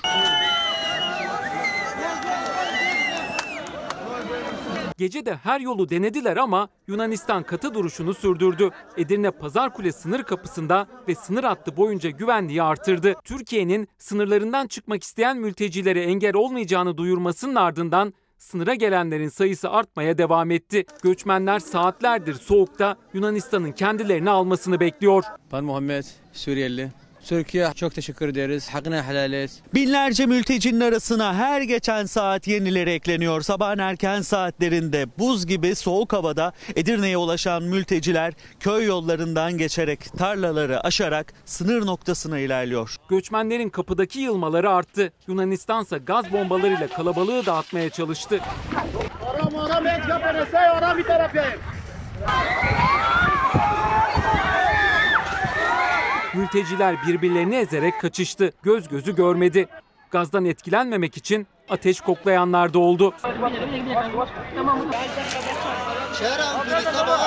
Kapıdan geçemeyeceğini anlayanların adresi ise Meriç Nehri'ne komşu köylerdi. Burası Edirne merkezi 30-40 kilometre uzaklıktaki Doyran köyü. İşte minibüsler mültecileri bu köylere getiriyor. Sınırı karadan aşamayan mülteciler alternatif yollar arıyor. Edirne'nin köylerinde de bu şekilde hareketlilik var. Buraya akın ediyorlar. İşte ellerinde valizler bekliyorlar. Özellikle Meriç Nehri'nin debisi düşük noktalarından karşıya geçme anını bekliyorlar. İşte o anlardan biri. Su seviyesi düştüğü anda bir grup mülteci yürüyerek Meriç Nehri'ni geçti ama karşıdan uyarı ateşi açıldı. Meriç Nehri boyunca da nöbet tutmaya başlayan Yunan polisi kıyılarına çıkan mültecileri geri gönderdi ve nehir hattına dikenli tel örmeye başladı. Yüzerek Türkiye tarafına dönenlerse Edirneli köylülere sığındı. Boğulmaktan korkmuyor musunuz? Lastik gemi var. Bot. Aha bot. Kim veriyor botu size? Ya bot adamlar var yardımcı olur para alıyorlar. Gece biz gitmeden. Karşıda Yunan askerleri var. Korkuyor musunuz? Ee, korkmuyor. Ee, gündüz var ama gece e, kaçılıyorlar. Bazı gidiyorlar. İletişim Başkanı Fahrettin Altun sınırı geçebilmeyi başaranların sayısını 80 bin olarak açıkladı. Yunanistan ise Ulusal Güvenlik Konseyi'ni toplamaya karar verdi. Avrupa'nın utancı. Tabii bizim de hatamız var. Ben bu politikayı yanlış buluyorum. Çok fedakarlık yaptık. Böyle bitmemeliydi bence. Yine onların ikiyüzlülüğünü biz yine kendi ahlaki tutumumuzla yüzlerine vurmalıydık. Bu bize yakışmadı. Bu benim kanaatim. Hükümet aksini savunuyor. Tamam. Ama ben böyle düşünüyorum. Arzu Aksel, Antalya'dan Arzu Hanım, iki çocuk annesi. O da annesinin çağdaş yaşam için bize bir bağışta bulunmak istediğini söylüyor. Dün Sinop'taydı. Çağdaş Yaşamı Destekleme Derneği Başkanımız. Sizlere çok selamları var. Yakında o konuda gelecek yılları da hedefleyerek başka duyurularımız olacak efendim. Arzu Aksel'e ve onun annesine de kıymetli annesine Antalya'ya selamlar. İrfan Deniz, kaç olursa olsun şehidimiz nasıl gülebiliriz? Böyle bir zamanda nasıl gülebiliriz diyor İrfan Deniz. Mehmet Sami Çakmak, En tepeden aşağıya, tepeden halkımıza bir duyarsızlık söz konusu diyor. Alıştık, alıştırıldık. Mehmet Sami Çakmak bize yazmış olduğu mesajında. Abim diyor, bize doğruları anlatmak için fedakarca çalıştığınızı görüyoruz. Eleştirilere aldırma ve üzülme. Ali Ağa itfaiye erleri seninle birlikte diyor. Biz de buradan itfaiyecilerimize selamlar söylüyorum efendim. Çağdaş Yaşamı Destekleme Derneği Başkanı Düzçin Oktay'da oradaki kadınlarımızla buluştu. Bir takım çalışmalarımız var ama şimdiden söylemeyeceğim. Üzerinde çalışıp olgunlaştıracağız. Çağdaş Yaşam gönüllüsü olarak çalışmalara devam edeceğiz. Emre Üskübarlas. Bugünkü dördüncü bağlantımız. Emre hazır mısın Savaş? Peki. Emre Üskübarlas. Şimdi bugün 2 Mart. Avrupa'daki gazetelerde de, dünyadaki manşetlerde de hep bu konu var. Biraz sonra dış medyaya da bakacağız. Sen olayın tam da yaşandığı yerde yani haberin kalbindesin. Seni dinliyoruz. İsmail Küçükkaya günaydın. Biz Edirne'nin sınır köyü Doyran'dayız. Doyran'da ve çevresinde aslında Edirne'nin dört bir yanında bu hareketlilik dördüncü gününde de devam ediyor. Hatta katlanarak devam ediyor. İşte gördüğünüz gibi biz Meriç Nehri'nin hemen kıyısındayız. Burada aslında kendiliğinden oluşmuş, adı da konmamış bir kamp var. Şimdi Fox kameramanı Kenan Özcan'dan da rica edeceğim. Size aslında burayı en iyi anlatabilmek için o görüntüleri de size gösterebilmemiz lazım. İşte bakın Afgan bir aile biz yayından önce de onlarla konuştuk. Samsun'dan geldiler. Kalabalık bir aileler işte bir yaşındaki çocukları Bünyamin belki de diyoruz ya hep vurguluyoruz. Onlar hiçbir şeyden habersiz en çok aslında çocuklar etkileniyor. İşte babasının kucağında. Geceyi çok zor geçirdiler. Bakmayın güneş var ama aslında ıslak bir zemin üzerinde uyudular. İşte yatakları burasıydı. Bir ateş başında burada ısınmaya çalıştılar. Geceyi geçirmeye çalıştılar. Sabah da onlar için zor oldu. İşte 70 yaşında dedeleri de burada. İşte 1 yaşında çocukları da burada. Aslında birçok bu şekilde burada aile var İsmail Küçükkaya.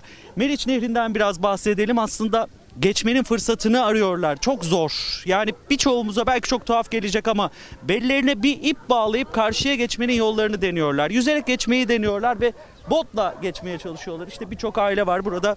O çadırdan bozma aslında çadır da denemeyecek. İşte battaniyelerle sarılı. İşte üç ağaç çakmışlar. Etrafına battaniye örmüşler. Baktığınız zaman burada geceyi geçiriyorlar ve karşıya da geçmenin yollarını arıyorlar dedik. Biz de ilerleyelim hem de anlatalım burayı.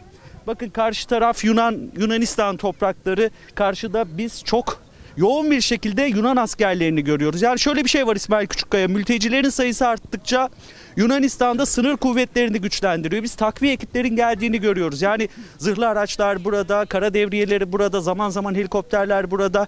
Yani mülteci sayısı arttıkça Yunanistan o katı tavrını sürdürmeye devam ediyor. Sınır boyunda da işte fırsatını bulan karşıya geçmeye çalışıyor. Ama karşıya geçince ne oluyor? Yakalanıp geri döndürülüyorlar. Yani Yunanistan tarafı mültecileri yakaladıktan sonra buraya döverek gönderiyor. Bunu da zaten Emre. mülteciler iddia ediyor. İşte bakın geceyi buyur Emre, sizi dinliyorum. Şimdi sözünü kestim özür dilerim. Şimdi çok konuşuluyor. Sosyal medyada da çok tartışılıyor. Sen de olayın kalbinde olduğun için sana sormak istiyorum. Şimdi İçişleri Bakanı bir açıklama yaptı. İşte 80 bin oldu dedi, şu kadar oldu dedi. Fakat sosyal medyada hep şu konuşuluyor. Şimdi Türkiye sınırından geçtiklerini belirttiğimiz sayıları 80 bin aşan bu mülteciler Yunanistan'a ve Bulgaristan'a da girmediler. Nerede bunlar esas? Yani onu bir anlatır mısın bize? Nerede bekliyorlar? İsmail Küçükkaya resmi rakamlar tabii ki e, inanmamız lazım. Açıklanan rakamlar o yönde ama ben 4 gündür buradayım. Gözlemlediğim kadarıyla biz o kadar geçişe şahitlik edemedik. Aslında şöyle evet geçişler oluyor. Özellikle nehir kenarından yani botlarla karşıya geçişler oluyor ama biz gerçekten hani o sayının Edirne'den olduğunu çok gözlemleyemedik. Belki gece yarısı bir geçiş buradan oluyordur. Çünkü biz artık kapıları açtık. Yani baktığınız zaman Edirne'de Meriç hattı 200 kilometrelik bir hat. Yani aslında her noktadan geçebilir e, buradaki mülteciler. Ama dediğim gibi yani eğer sayı 100 bin konuşulan o sayı gerçekten karşı tarafa geçtiğini ben çok ihtimal vermiyorum çünkü gözlemleyemedim. Çünkü buradaki sayı da çok artıyor. Ama tabii resmi rakamlar bu yönde. Ama tabii nasıl geçiyorlar buradan Emre, nehri bir şey rica nasıl edeceğim. aşıyorlar? Çünkü Benim biz için- baktığımız zaman Evet açık açık. Şimdi bir şey rica edeceğim. Şey, şöyle kamerayla oradaki mültecilere şöyle bir dolanın. Bir tanesini yani bir aileyi böyle tesadüfi olarak seçelim. Onların yanına doğru bir gidelim bakalım. En azından birkaç cümle duymak istiyorum. Sana bırakıyorum. Tabii ki. Şimdi ilerleyelim. Bakın burada da zannediyorum ki bir Afgan aile var. Kenan Özcan'ın da çok görüntüsünü kesmeyeyim. Merhabalar, merhabalar. Merhaba. Siz Şimdi size sormak istiyorum. Ee, canlı yayındayız. Evet abi. Ee, Afgan bir ailesiniz herhalde. Nereden geldiniz buraya? Ben de abi şey Afganistan'da buraya geldim. Efendim? Afganistan'da buraya geldim. Afganistan'dan. Evet. Türkiye'den buraya nereye Evet. geldiniz? Sa- Buraya şimdi Samsun mu, Antalya mı, İzmir mi? ama abi bilmiyorum bu Yunanistan'a gidiyorum abi. Peki neyi hayal ediyorsunuz? Yani Yunanistan'a gittikten sonra nereye? Almanya'ya gitmeyi Hey, mi? Almanya'ya gittim abi Almanya'ya gittim. Peki 4-5 ülke var. Kolay olacak mı? Burayı geçemiyorsunuz. Ama bilmiyorum abi çok zor gidiyor buraya. Kaç çocuğunuz var? İki çocuk abi bir çocuk e, iki ay- aylık mı? İki aylık. İki aylık. İki aylık çocuklar Evet. bu geceyi iki- burada geçiriyor. Evet evet. Bir çocuk var ya iki ay e, şey iki, iki yaşında. 2 yaşında bir de 2 aylık. Bu, bu iki burada uyuyan bebeğiniz 2 aylık. Evet evet iki aylık mı? Bu şey kimlik var bunu a- hastanesi. Kaç Emre bir yıldır şey soracağım. Türkiye'desiniz? Nereden gelmişler? Türkiye'de nereden üç gelmişler? sene Onu bir abi. daha sorar mısın? Bu. Türkiye'de nerede yaşıyordunuz? En son, Hangi ha. şehir? Samsun mu? İstanbul mu? Yo şeydi Karaman'da. Karaman. Karaman'dan Karaman'dan gelmiş. gelmişler İsmail Küçükkaya. Kaç senedir İstanbul'daydınız? 3 sene Şey, abi. Türkiye'deydiniz. 3 sene abi. 3 sene. Ne iş yapıyordunuz Karaman'da? Ö, Mermer yapıyordu. Mermer işi yapıyordunuz. Evet evet abi. Çocuğunuz üşüdü mü? Geceyi burada nasıl geçirdiniz? Yani 2 aylık bir bebekten bahsediyoruz. Yiyeceğiniz var mı? Yok abi hiçbir şey yok. Bu sadece. İsmail Küçükkaya gerçekten hani hep vurguluyorum çocuklara üzülüyoruz. Hani ee, gerçekten iki aylık bir bebek burada. Bu ateşin başındalar. İşte Emre bir soru bir daha. Emre. Siz nereden geldiniz? Karaman mı? Aynen aynen. Bu, bu, dört çocuk. Hava heli su, su, sar. Soğuk de. Bugün barış tercümanı. Sizi Emre, dinliyorum İsmail Küçükkaya. Emre, şimdi bu Ankara'nın kapıları açma kararından sonra Karaman'da yaşıyor o arkadaşımız. Karaman'dan oraya nasıl gelmiş? Onu bir sorar mısın ya? Ne olmuş? O mekanizmayı bir merak ediyorum. Karaman Karaman'dan Edirne'ye iki çocuğunuzla nasıl geldiniz? Buraya nasıl geldiniz? Otobüse mi Buraya geldiniz? Otobüse otobüse geldim abi. O 14 saat e, İstanbul'da geldim. Ondan sonra buraya 4-5 saat buraya geldim. Buraya. İsmail Küçükkaya Peki. otobüste geldiğini ifade ediyor. Zaten burada da bir turizm oluştu. Yani biz zaman zaman burada da yolcu minibüslerini, yolcu otobüslerini olmadı taksileri görüyoruz. Yani aslında buraya mülteci taşıyorlar. Burada da aslında o hareketliliğe bir şekilde katkı sunuyorlar. İsmail Küçükkaya sınırdaki hareketliliği bu şekilde özetlemeye çalıştık. İşte görüyorsunuz çoluk çocuk burada bir ateşin başında ısınmaya çalışıyorlar. Belki de bu aile bir saat sonra iki saat sonra bir botla karşıya geçecek ıslanacak ya geçecek ya geçemeyecek. Aslında tehlikeyi göze alacaklar. Avrupa'ya gitme hayali taşıyorlar. Tabi kaderi belli olmayan bir yolculuk. iki aylık bir bebekten bahsediyoruz. Emre bir şey söyleyeceğim. Tabii ne olacak? Biz de bu gelişmeleri takip ediyoruz. Orada mesela Suriyeli var mı? Şöyle bir baktığın zaman hani konuştuğun mu bir sürü insanla da konuşuyorsun. Bir aileye daha gidebilir misin böyle tesadüfi? Çok çarpıcı geldi bana çünkü de. Tabii tabii bir aileye daha gidelim. Bir aileye daha gidelim. Hemen şu arkamda da bir aile var. Aslında şunu söyleyelim İsmail Küçükkaya. 10 aileden belki 8'i Afgan diyebilirim. ikisi Suriyeli. Yani böyle bir oran Onluk yapabilirim. %80 Çünkü sürekli Afgan. konuşuyoruz kendileriyle. Kesin kesinlikle bu rakamı verebilirim. Çok Ee, merhaba. İşte burada da bir aile. Siz nerelisiniz acaba? Canlı yayındayız. Türkçe biliyor musunuz? Nerelisiniz? Afganistanlı. Siz nereden geldiniz buraya? Afganistan'dan. Türkiye'de nerede nerede yaşıyordunuz? Hangi şehir? Ankara'da. Ankara. İsmail Küçükkaya Ankara'dan geldiğini söylüyor işte bir aile daha. Söylediğim o oran işte böyle bir Afgan aile daha. Suriyeli var mı çevrede bilmiyorum. Suriyeli e, sanırım burada. Siz Suriyeli misiniz? Evet, Suriyeli bir e, burada. Siz nerede yaşıyordunuz? İstanbul mu? Manisa Trotlu. Manisa, Manisa Turgutlu'dan. Evet abi. Siz nereye geçmeyi hayal ediyorsunuz? Vallahi Avrupa gitmek istiyorum. Dört tane çocuğum var. Ben 7 sene ben Türkiye'deyim. Ben memnunum. Ne iş yapıyordunuz Ben Türkiye'de? vallahi her iş yaptım ben. Şimdi nereye gitmeyi hayal ediyorsun? Hangi hangi ülkeye gitmeyi Ya hayal ne ediyorsun? hangi hangi e, Avrupa hangi şehir bana verdi ben gideceğim. Şimdi dört çocuğunuz var. Birazdan belki yüzerek, belki yürüyerek bu nehri aşmaya çalışacaksınız. Belki botla. Evet. Korkuyor musunuz? Çünkü Yok, biz sürekli yok bir- abi. Yunan askerlerinin e, ateş seslerini duyuyoruz. Kimse ko- kimse korkmuyor sadece Allah korkuyorum. Gördüğünüz gibi Suriyeli bir mülteciyle de konuştuk. Buradaki manzara bu yönde İsmail Emre, bir Küçükkaya. dakika, dur, Dediğim dur. gibi buraya geliyorlar, toplanıyorlar, bekliyorlar. Muazzam uluslararası çapta bir gazetecilik yapıyorsun. Bir şey soracağım. Şimdi bu arkadaş Manisa Turgutlu'da ne zamandır orada? Mesela kaç yıl önce gelmiş ve neden gidiyor şimdi Türkiye'den? Onu da bir sorar mısın rica etsem? Soralım. Siz kaç yıl önce Türkiye'ye geldiniz? Nereden geldiniz Manisa Turgutlu'ya? İlk Manisa Turgutlu'ya mı geldiniz? Abi ben, savaş çıktı Suriye'de ben geldim Ceylanpınar'a. Bir sene orada yaşadım. Bir de bir arka- arkadaşım e, Manisa Turgutlu var. Aradım ona geldim buraya çalıştım. Ben 5 sene bu çocuklar bak bu çocuklar hepsi Turgutlu oldu. Turgutlu'da doğdu çocuk. Evet, evet ama bir tane bebek de orada. Üç çocuk da sizin mi? Evet benim. O benim akanım orada, çocuk da orada. En küçüğü kaç yaşında? Ee, bir. Bir yaşında. Bir yaşında. Peki nereye gidip nasıl bir hayat kuracaksınız? Vallahi Türkiye'de abi- mutlu değil Emre, miydiniz? Şimdi yok. gidiyorsunuz. A- Abi ben Neler yaşadınız? bak bak ben ben 7 sene ben Türkiye'deyim. Ben ben e, gel evim bak evim bozuk hep. Şimdi hayal yani Avrupa'ya Ev- gitmeyi ev, hayal ev bozuk bir şey yok, iş yok. Ben zor yaşıyorum. Emre. Vallahi zor yaşıyorum ben. Şimdi bu arkadaşımıza, Bu- kardeşimize de şunu sorar mısın? Ben eğer Türkiye bir şey bana verecek ben bir, şey- bir yere Manisa gitmiyorum. Turgutlu'da yaşıyor. İç Özür savaş dilerim, çıktığından duyamadım beri İsmail Türkiye'ye Küçükkaya. gelmiş. Manisa Turgutlu'da her işi yaptım diyor.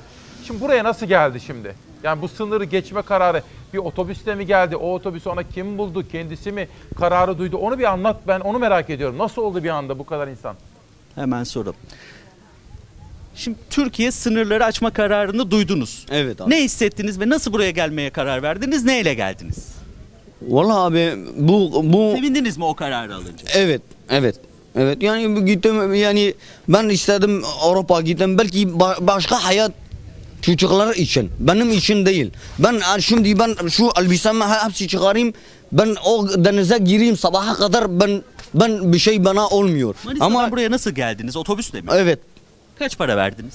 Vallahi abi 5 Taksi tutan e, arkadaşlarınız da var. Vallahi abi 500 600 lira mı gitti. Şimdi benim para yok. Ben bir şey yok. Burada ne yediniz? Mesela geceyi dört çocukla nasıl geçirdiniz burada? Vallahi zor.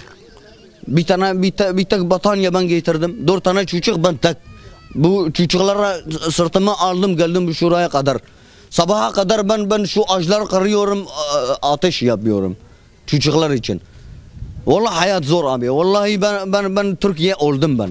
7 sene ben ben ben hayat ben ben görmedim. Hep çalışma ben parmak var ya. Bu parmak bu iş kırdı. Bıçak için bıçaklar girdi. Çok teşekkür ederiz. Ha. İsmail Küçükkaya geceyi çok zor geçirdiler. Zaten bulunduğumuz bu köyde çok duyarlı gerçekten. Özellikle çocuklu aileleri camiye alıyorlar. Cami bahçesine alıyorlar. Onlara gıda yardımı, işte battaniye yardımı yapıyorlar. Ellerinden geldikçe bu köyde onlara bir katkı sunuyor. Çünkü gerçekten çocukları gördüklerinde herkes olduğu gibi onlar da etkileniyor. İsmail Küçükkaya. Emre kameramanımız kim? Kenan mı? Kenan Özcan Peki kameramanımız. ona da teşekkür ediyorum. Ama bir aileye daha gidelim lütfen. Bak ben şimdi böyle nefessiz izliyorum. Çünkü bu, bu bence uluslararası çapta bir habercilik. Çünkü canlı canlı bir olay yaşıyoruz şu anda. Sen bir aile daha seç lütfen. Şimdi tabii bir aileye daha çıkalım hemen isterseniz şuraya gidelim. Çocuklu bir aile daha var. İşte görüyorsunuz ateşler İnanılmaz görüntüler yükseliyor. sevgili izleyenler. Hava Emre oldukça Üskübarlas soğuk. olay yerinden haberin Edirne'de. kalbinin olduğu yerden anlatıyor. Olağanüstü bence etkileyici. Evet. Bir aile daha işte burada küçük bir çocuk yine burada. Hemen size soralım. Türkçe biliyor musunuz hanımefendi? Türkçe biliyor musunuz? Nereden? Nerelisiniz? Suriye mi? Türkçe bilen var mı acaba? Çocuk biliyor. Nerelisiniz? Suriyeliyiz. Nereden geldiniz buraya? Evimizi satıp buraya geldik. Evinizi Şey- sattınız. Ya, kapıları açacaklarmış da o, o yüzden geldik. Nerede yaşıyordunuz? Türk yani İstanbul'dan mı? İstanbul e, ev hepsi e, satılıyor. Geldi burada e, kapıyı açtı Yunan gitti. Hiç açmadın, açmadın. Burada bekliyoruz yani. Peki hiç e, akrabalarınızdan geçenler oldu mu karşı tarafa? Bazen geçenler... Yok yok yok yok hiç kimse geri gidiyor ge- burada geliyor dövüyor Yunan falan Yunanistan dövüyor burada gönderiyor. Para sana falan alıyorsun burada ge- geri geliniyor. Bizim de evlerimiz yok burada da yaşıyoruz. Gel böyle. Sana da soralım. Şöyle bak kameralar karşımızda. Evet. Sen okuyor muydun e, İstanbul'da? Evet okuyordum. Kaça gidiyordun? Ben dörtte gidiyordum. Adın ne? Udey. Udey. Ha. Udey peki korkuyor musun? Belki birazdan bir botla karşıya geçeceksin. Ailenle, kardeşlerinle. Yo onlar tele, şey televizyonda çıkartmışlardı kapılar açık diye. Ve O yüzden biz de geldik. İsmail Küçükkaya işte Suriyeli bir aileye denk geldik. Bu Onlarda çocuğumuz da nereden gelmiş Çocuk Emre? nüfusu oldukça Emre, bu çocuğa fazla. sorar mısın? Abi bir ge- geri geldik sonra da soktan ördük. Evet o da soğuktan etkilendiğini söylüyor. İsmail Küçükkaya duyamadım özür dilerim. Bu çocuğumuz, bu, bu oğlumuz nereden gelmiş? Hangi şehirden abi, Türkiye'den? çok- Nerede yaşıyormuş? Ee, nerede yaşıyordun Türkiye'de? İstanbul'un İstanbul'da yaşadığını söyledin. Evet İstanbul. Nerede? Hangi? şehir? Nasıl İstanbul. geldin ailenle buraya? Otobüsle mi? Kaç saat? Ya da yürüdünüz mü? Bu- Mesela bu köye yürüdünüz mü? Birleşkan ve Koleji'yi tanımlıyoruz. Yürüyerek mi geldiniz Edirne merkezden? geldik. 10 dakikada geldik. Otobüsle. 10 saatlik. İsmail Küçükkaya tabii yürüyerek de köye ulaşabiliyorlar. Taksilerle de ulaşabiliyorlar. İşte gördüğünüz gibi onlar da bekliyor. Emre. bu dediğim gibi yani sonu nasıl biter Evet, bu yolculuğun ama Soktan ördük. evet soğuktan etkilendiğini söylüyor. İsmail Küçükkaya. Peki, yani peki. kapıları açacaklar da açmadılar. Bak kapılar açacak. Abi. Emre çok teşekkür ediyorum sana ve Kenan'a. İşte böyle bakın. Yara gazeteler e, dış medya geldi mi Savaş? Böyle göstereyim. Tamam peki. Efendim bugün The Guardian gazetesinde bakın. Binlerce diyor, binlerce mültecinin Türkiye Avrupa Birliği sınırında mahsur kaldığını belirtiyor diyor The Guardian gazetesi. Ve Financial Times gazetesi Avrupa Birliği'nin aslında bir krizle karşı karşıya kaldığını ve bir göç dalgası bu. Mülteci göç dalgası. Peki Yunanistan acaba hangi rakamları veriyor? İşte duvardan atlayanları görüyorsunuz. İnsanlar hemen sol taraftan akın akın kaçmaya çalışıyorlar. Türkiye sınırın diğer tarafına geçmek isteyen mültecilere engel olmayacağını açıkladı. Yoğunlukla Yunanistan sınırına akın eden mülteciler Avrupa'ya gitmek için sınırı geçmeye çalışıyor. Yunan yetkililer bir yandan göçmenleri püskürtmek için sert müdahalelerde bulunuyor, diğer yandan kararlılık mesajı veriyorlar. Mülteciler sınırı geçmek için karadan ve sudan her yolu deniyor. Kameralara Yunan güvenlik güçlerinin sert müdahaleleri yansıyor. Sürekli gaz fişeklerinin atıldığı sınırda tansiyon yüksek. Yunanistan Dışişleri Bakanlığı'ndan yapılan açıklamaya göre ise 73 mülteci dışında sınırı geçmeyi başaran olmadı. Yasa dışı yollarla sınırı geçen 73 kişinin de yargılanıp tutuklandığını duyurdu Yunan yetkililer. Yunan Savunma Bakanı Yardımcısı Alkiviyadis Stefanis açıklama yaptı. Pazar günü yapılan sınırı aşma denemelerinin tamamını engellediklerini duyurdu. Dün sınırımızı geçmek için 9600 deneme oldu. Ancak bunların hepsi başarıyla engellendi. Yunan makamları hafta sonu boyunca yaklaşık 14 bin mültecinin sınırı geçmesine engel olduklarını açıkladı. Uluslararası Göç Örgütü de Türkiye'nin Yunanistan sınırında toplanan göçmen sayısının 13 bin civarında olduğunu söyledi. Şimdi tabii kahramanlarımız var, şehitlerimiz. Onları böyle hissetmenizi istiyorum. Hani bazen diyorsunuz tabii çok üzülüyorum, ağlıyorum, ağır olsun. Bazen de ağlayacağız. Yasımız varsa tabii şehit gelmesin. En önemli dileğimiz, duamız, isteğimiz bu ama varsa da o acıdan kaçmak yok. Eski Mezopotamya dini ritüeller ve kullanılan objeler Yeşim Dilek yazmış ve imzalayarak bana göndermiş. Uğurcan Akyüz de öyle. Kendime dersler bir dekanın yazıları. Ve şimdi görsellerle Türkiye'nin gündemi beni derinden yaraladı dediğimiz bu sabahta 2 Mart'ta neler var? Bahar Kalkanı Harekatı'nın zaferle sonuçlanması için tüm camilerde yarın sabah namazında Fetih Suresi okunacak. Biz bu sabah bunu canlı olarak verdik. Canlı olarak sizleri ekranlarınıza getirdik. Ve günün fotoğraflarından en çarpıcısı bu.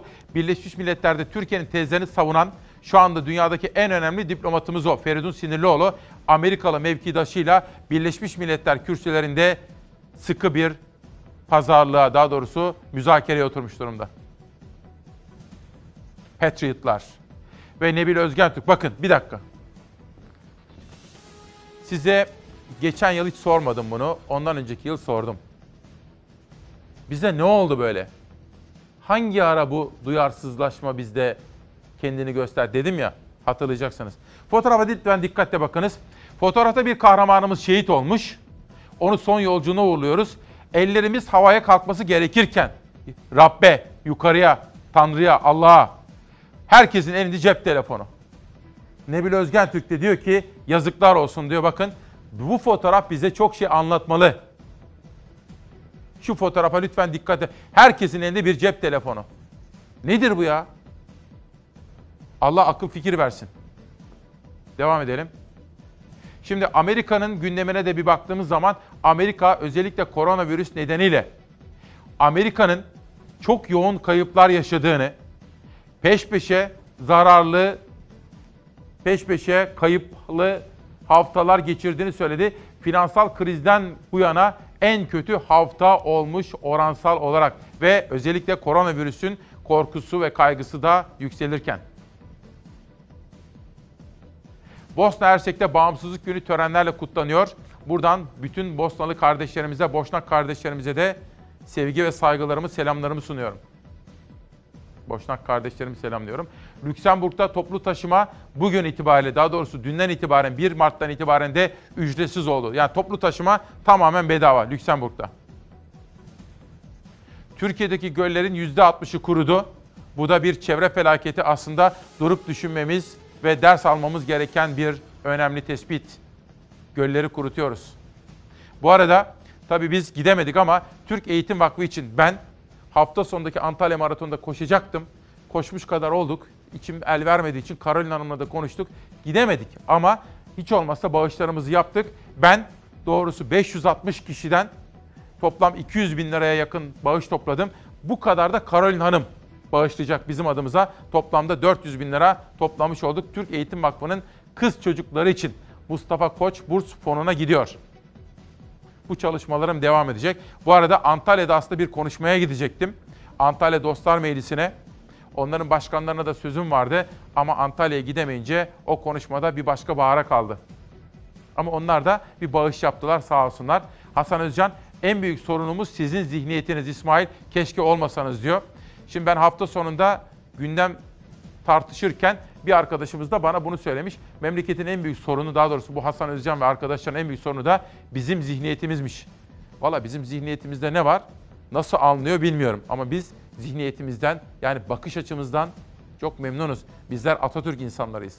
Cumhuriyet, Cumhuriyet gençleriyiz. Çalar Saat gazetesi bizim zihniyetimiz şehitlerimizi unutmaz. Bizim zihniyetimiz şehitlerimiz için gözyaşları döker. Biz yastayız. Çalar Saat bugün bakın tek tek derinden yaralandık diye bir manşet attık bu sabah. Tek tek isimlerini okuyacağım sizlere. Lütfen dikkate takip ediniz. Süleyman Şahin, Halil İbrahim Akkaya, Güven Kurtulmuş, İbrahim Tüzel, Batuhan Tank, Turgut Burkay Korkmaz, Ali Taşöz, Cuma Bağatur, Emre Baysal, Selim Nergiz, Eyüp Gülaşlı, Halil Çankaya, Ali Turgut, Veysel Günay. Ahmet Saygılı, Recep Bekir, Ahmet Alpaslan, Bayram Olgun, Selman Cankara, Adem Akın, Tayfun Pekel. Akif Akçadağ, Emin Yıldırım, Osman Ak, Mustafa Bayraktar, Muhammed Öğütçü, Muhammed Yılmaz, Tolga Can Yılmaz, Mehmet Orhan, Birhan Er, Nihat Kara, Muhammed Ali Özer, Hüseyin Özdemir, Mehmet Muhammed Akay ve vatanımıza, milletimize, onların kederli ailelerine sabır diliyoruz.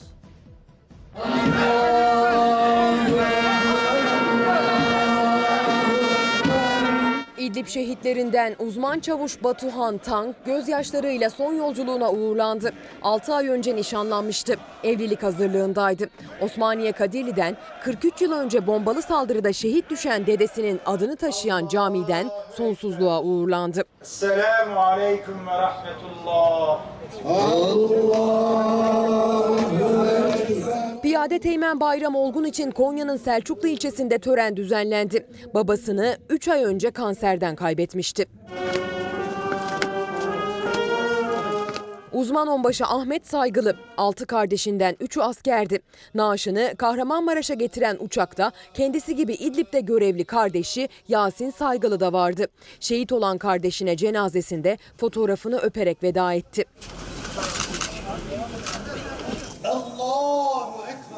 Jandarma Assubay Akif Akçadağ Kahramanmaraşlıydı. Sosyal medya hesabına biz bilinmeyenleriz ansızın gelir ansızın gideriz yazmıştı.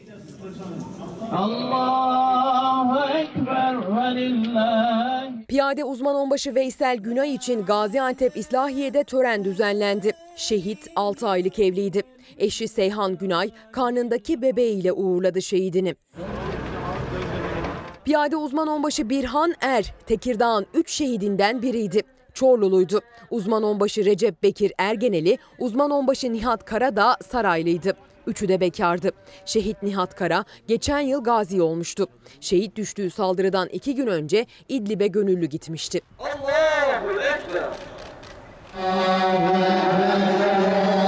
Piyade uzman onbaşı İbrahim Tüzel, Mersin Erdemliliydi. Vedasına binler geldi.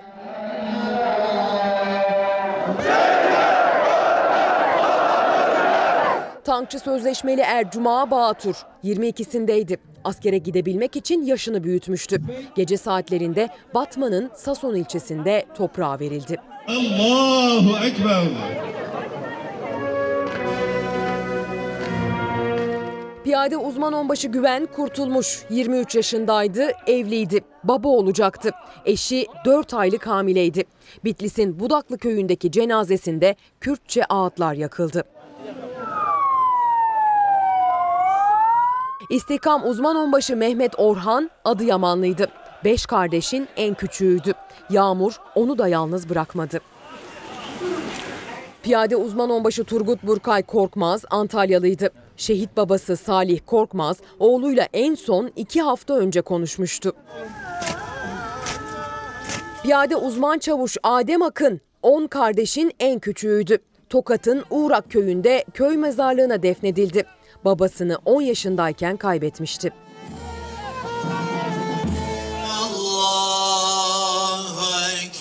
Yüzbaşı Süleyman Şahin Afyonkarahisarlıydı, 35 yaşındaydı.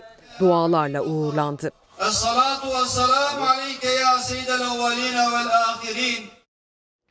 Bizim zihniyetimiz gözyaşları döküyor yasta. Bu arada bir son dakika gelişmesi. Akşam ana haberimizde detaylarını izlerseniz yarına da yine Çalar Saat'e de özel detaylar hazırlayacağız. Son dakika veriyoruz. Donald Trump'ın ABD'nin Suriye özel temsilcisi James Jeffrey bugün Ankara'ya geliyor. Ayrıca ABD'nin Birleşmiş Milletler'deki özel temsilcisi Kraft da yine bugün Ankara'ya geliyor. Yani kritik diplomatik ataklar devam ediyor efendim. Amerikalılar bugün Türkiye'ye geliyorlar. Duran Aydın yazdığın da seni sevecek öykülü denemeler kitabıyla çalar saatte. Gölgemi sildin gölgenden diyor. Ve Deniz Akalın Kahraman Prensesler isimli kitabıyla burada. Kelamı Pir, Yalçın Çakmak ve Tahareh Mirzayi'nin çevirisiyle Kemik İnadı benim yeni tanıdığım, İzmir'de yaşadığını anladığım bir şair. Asuman Susam 2016 Ruhi Su Şiir Ödülü kazanmış. Diyor ki, hep tertemiz bir şimdisi olsun istiyor insan. Hep tertemiz bir şimdisi olsun istiyor insan. Hiçbir yere gecikmemiş, her yere yetişmiş. Kırmızı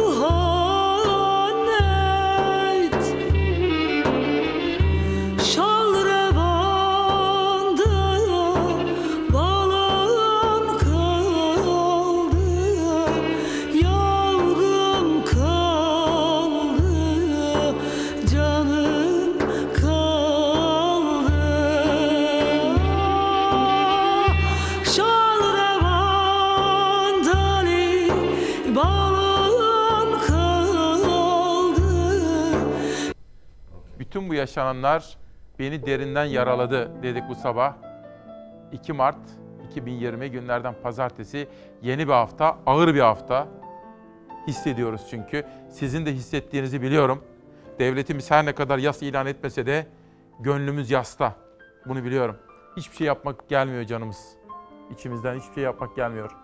Ve Atilla Gülsar, Nar Tanesi Gülizar isimli kitabıyla Çalar Saat'te. Hüznümün ilk paragrafı Durmuş Vural Ören. Hayata bir mola Gülçin Erdo. Kuşlar gibi özgür olmayı isterdim diyor. Yeni bir şairle tanıştıracağım sizi. Asuman Susam. 2016 Ruhi Su ödülü kazanmış. İzmir'de yaşadığını tahmin ettiğim, okudum çalışmalarımdan. Böyle bir şair, güçlü bir kalem. Bana göründüğü gibi görünmüyor. Onlara dünya bana göründüğü gibi görünmüyor. Toprakta gömülü. İyilik toprakta gömülü.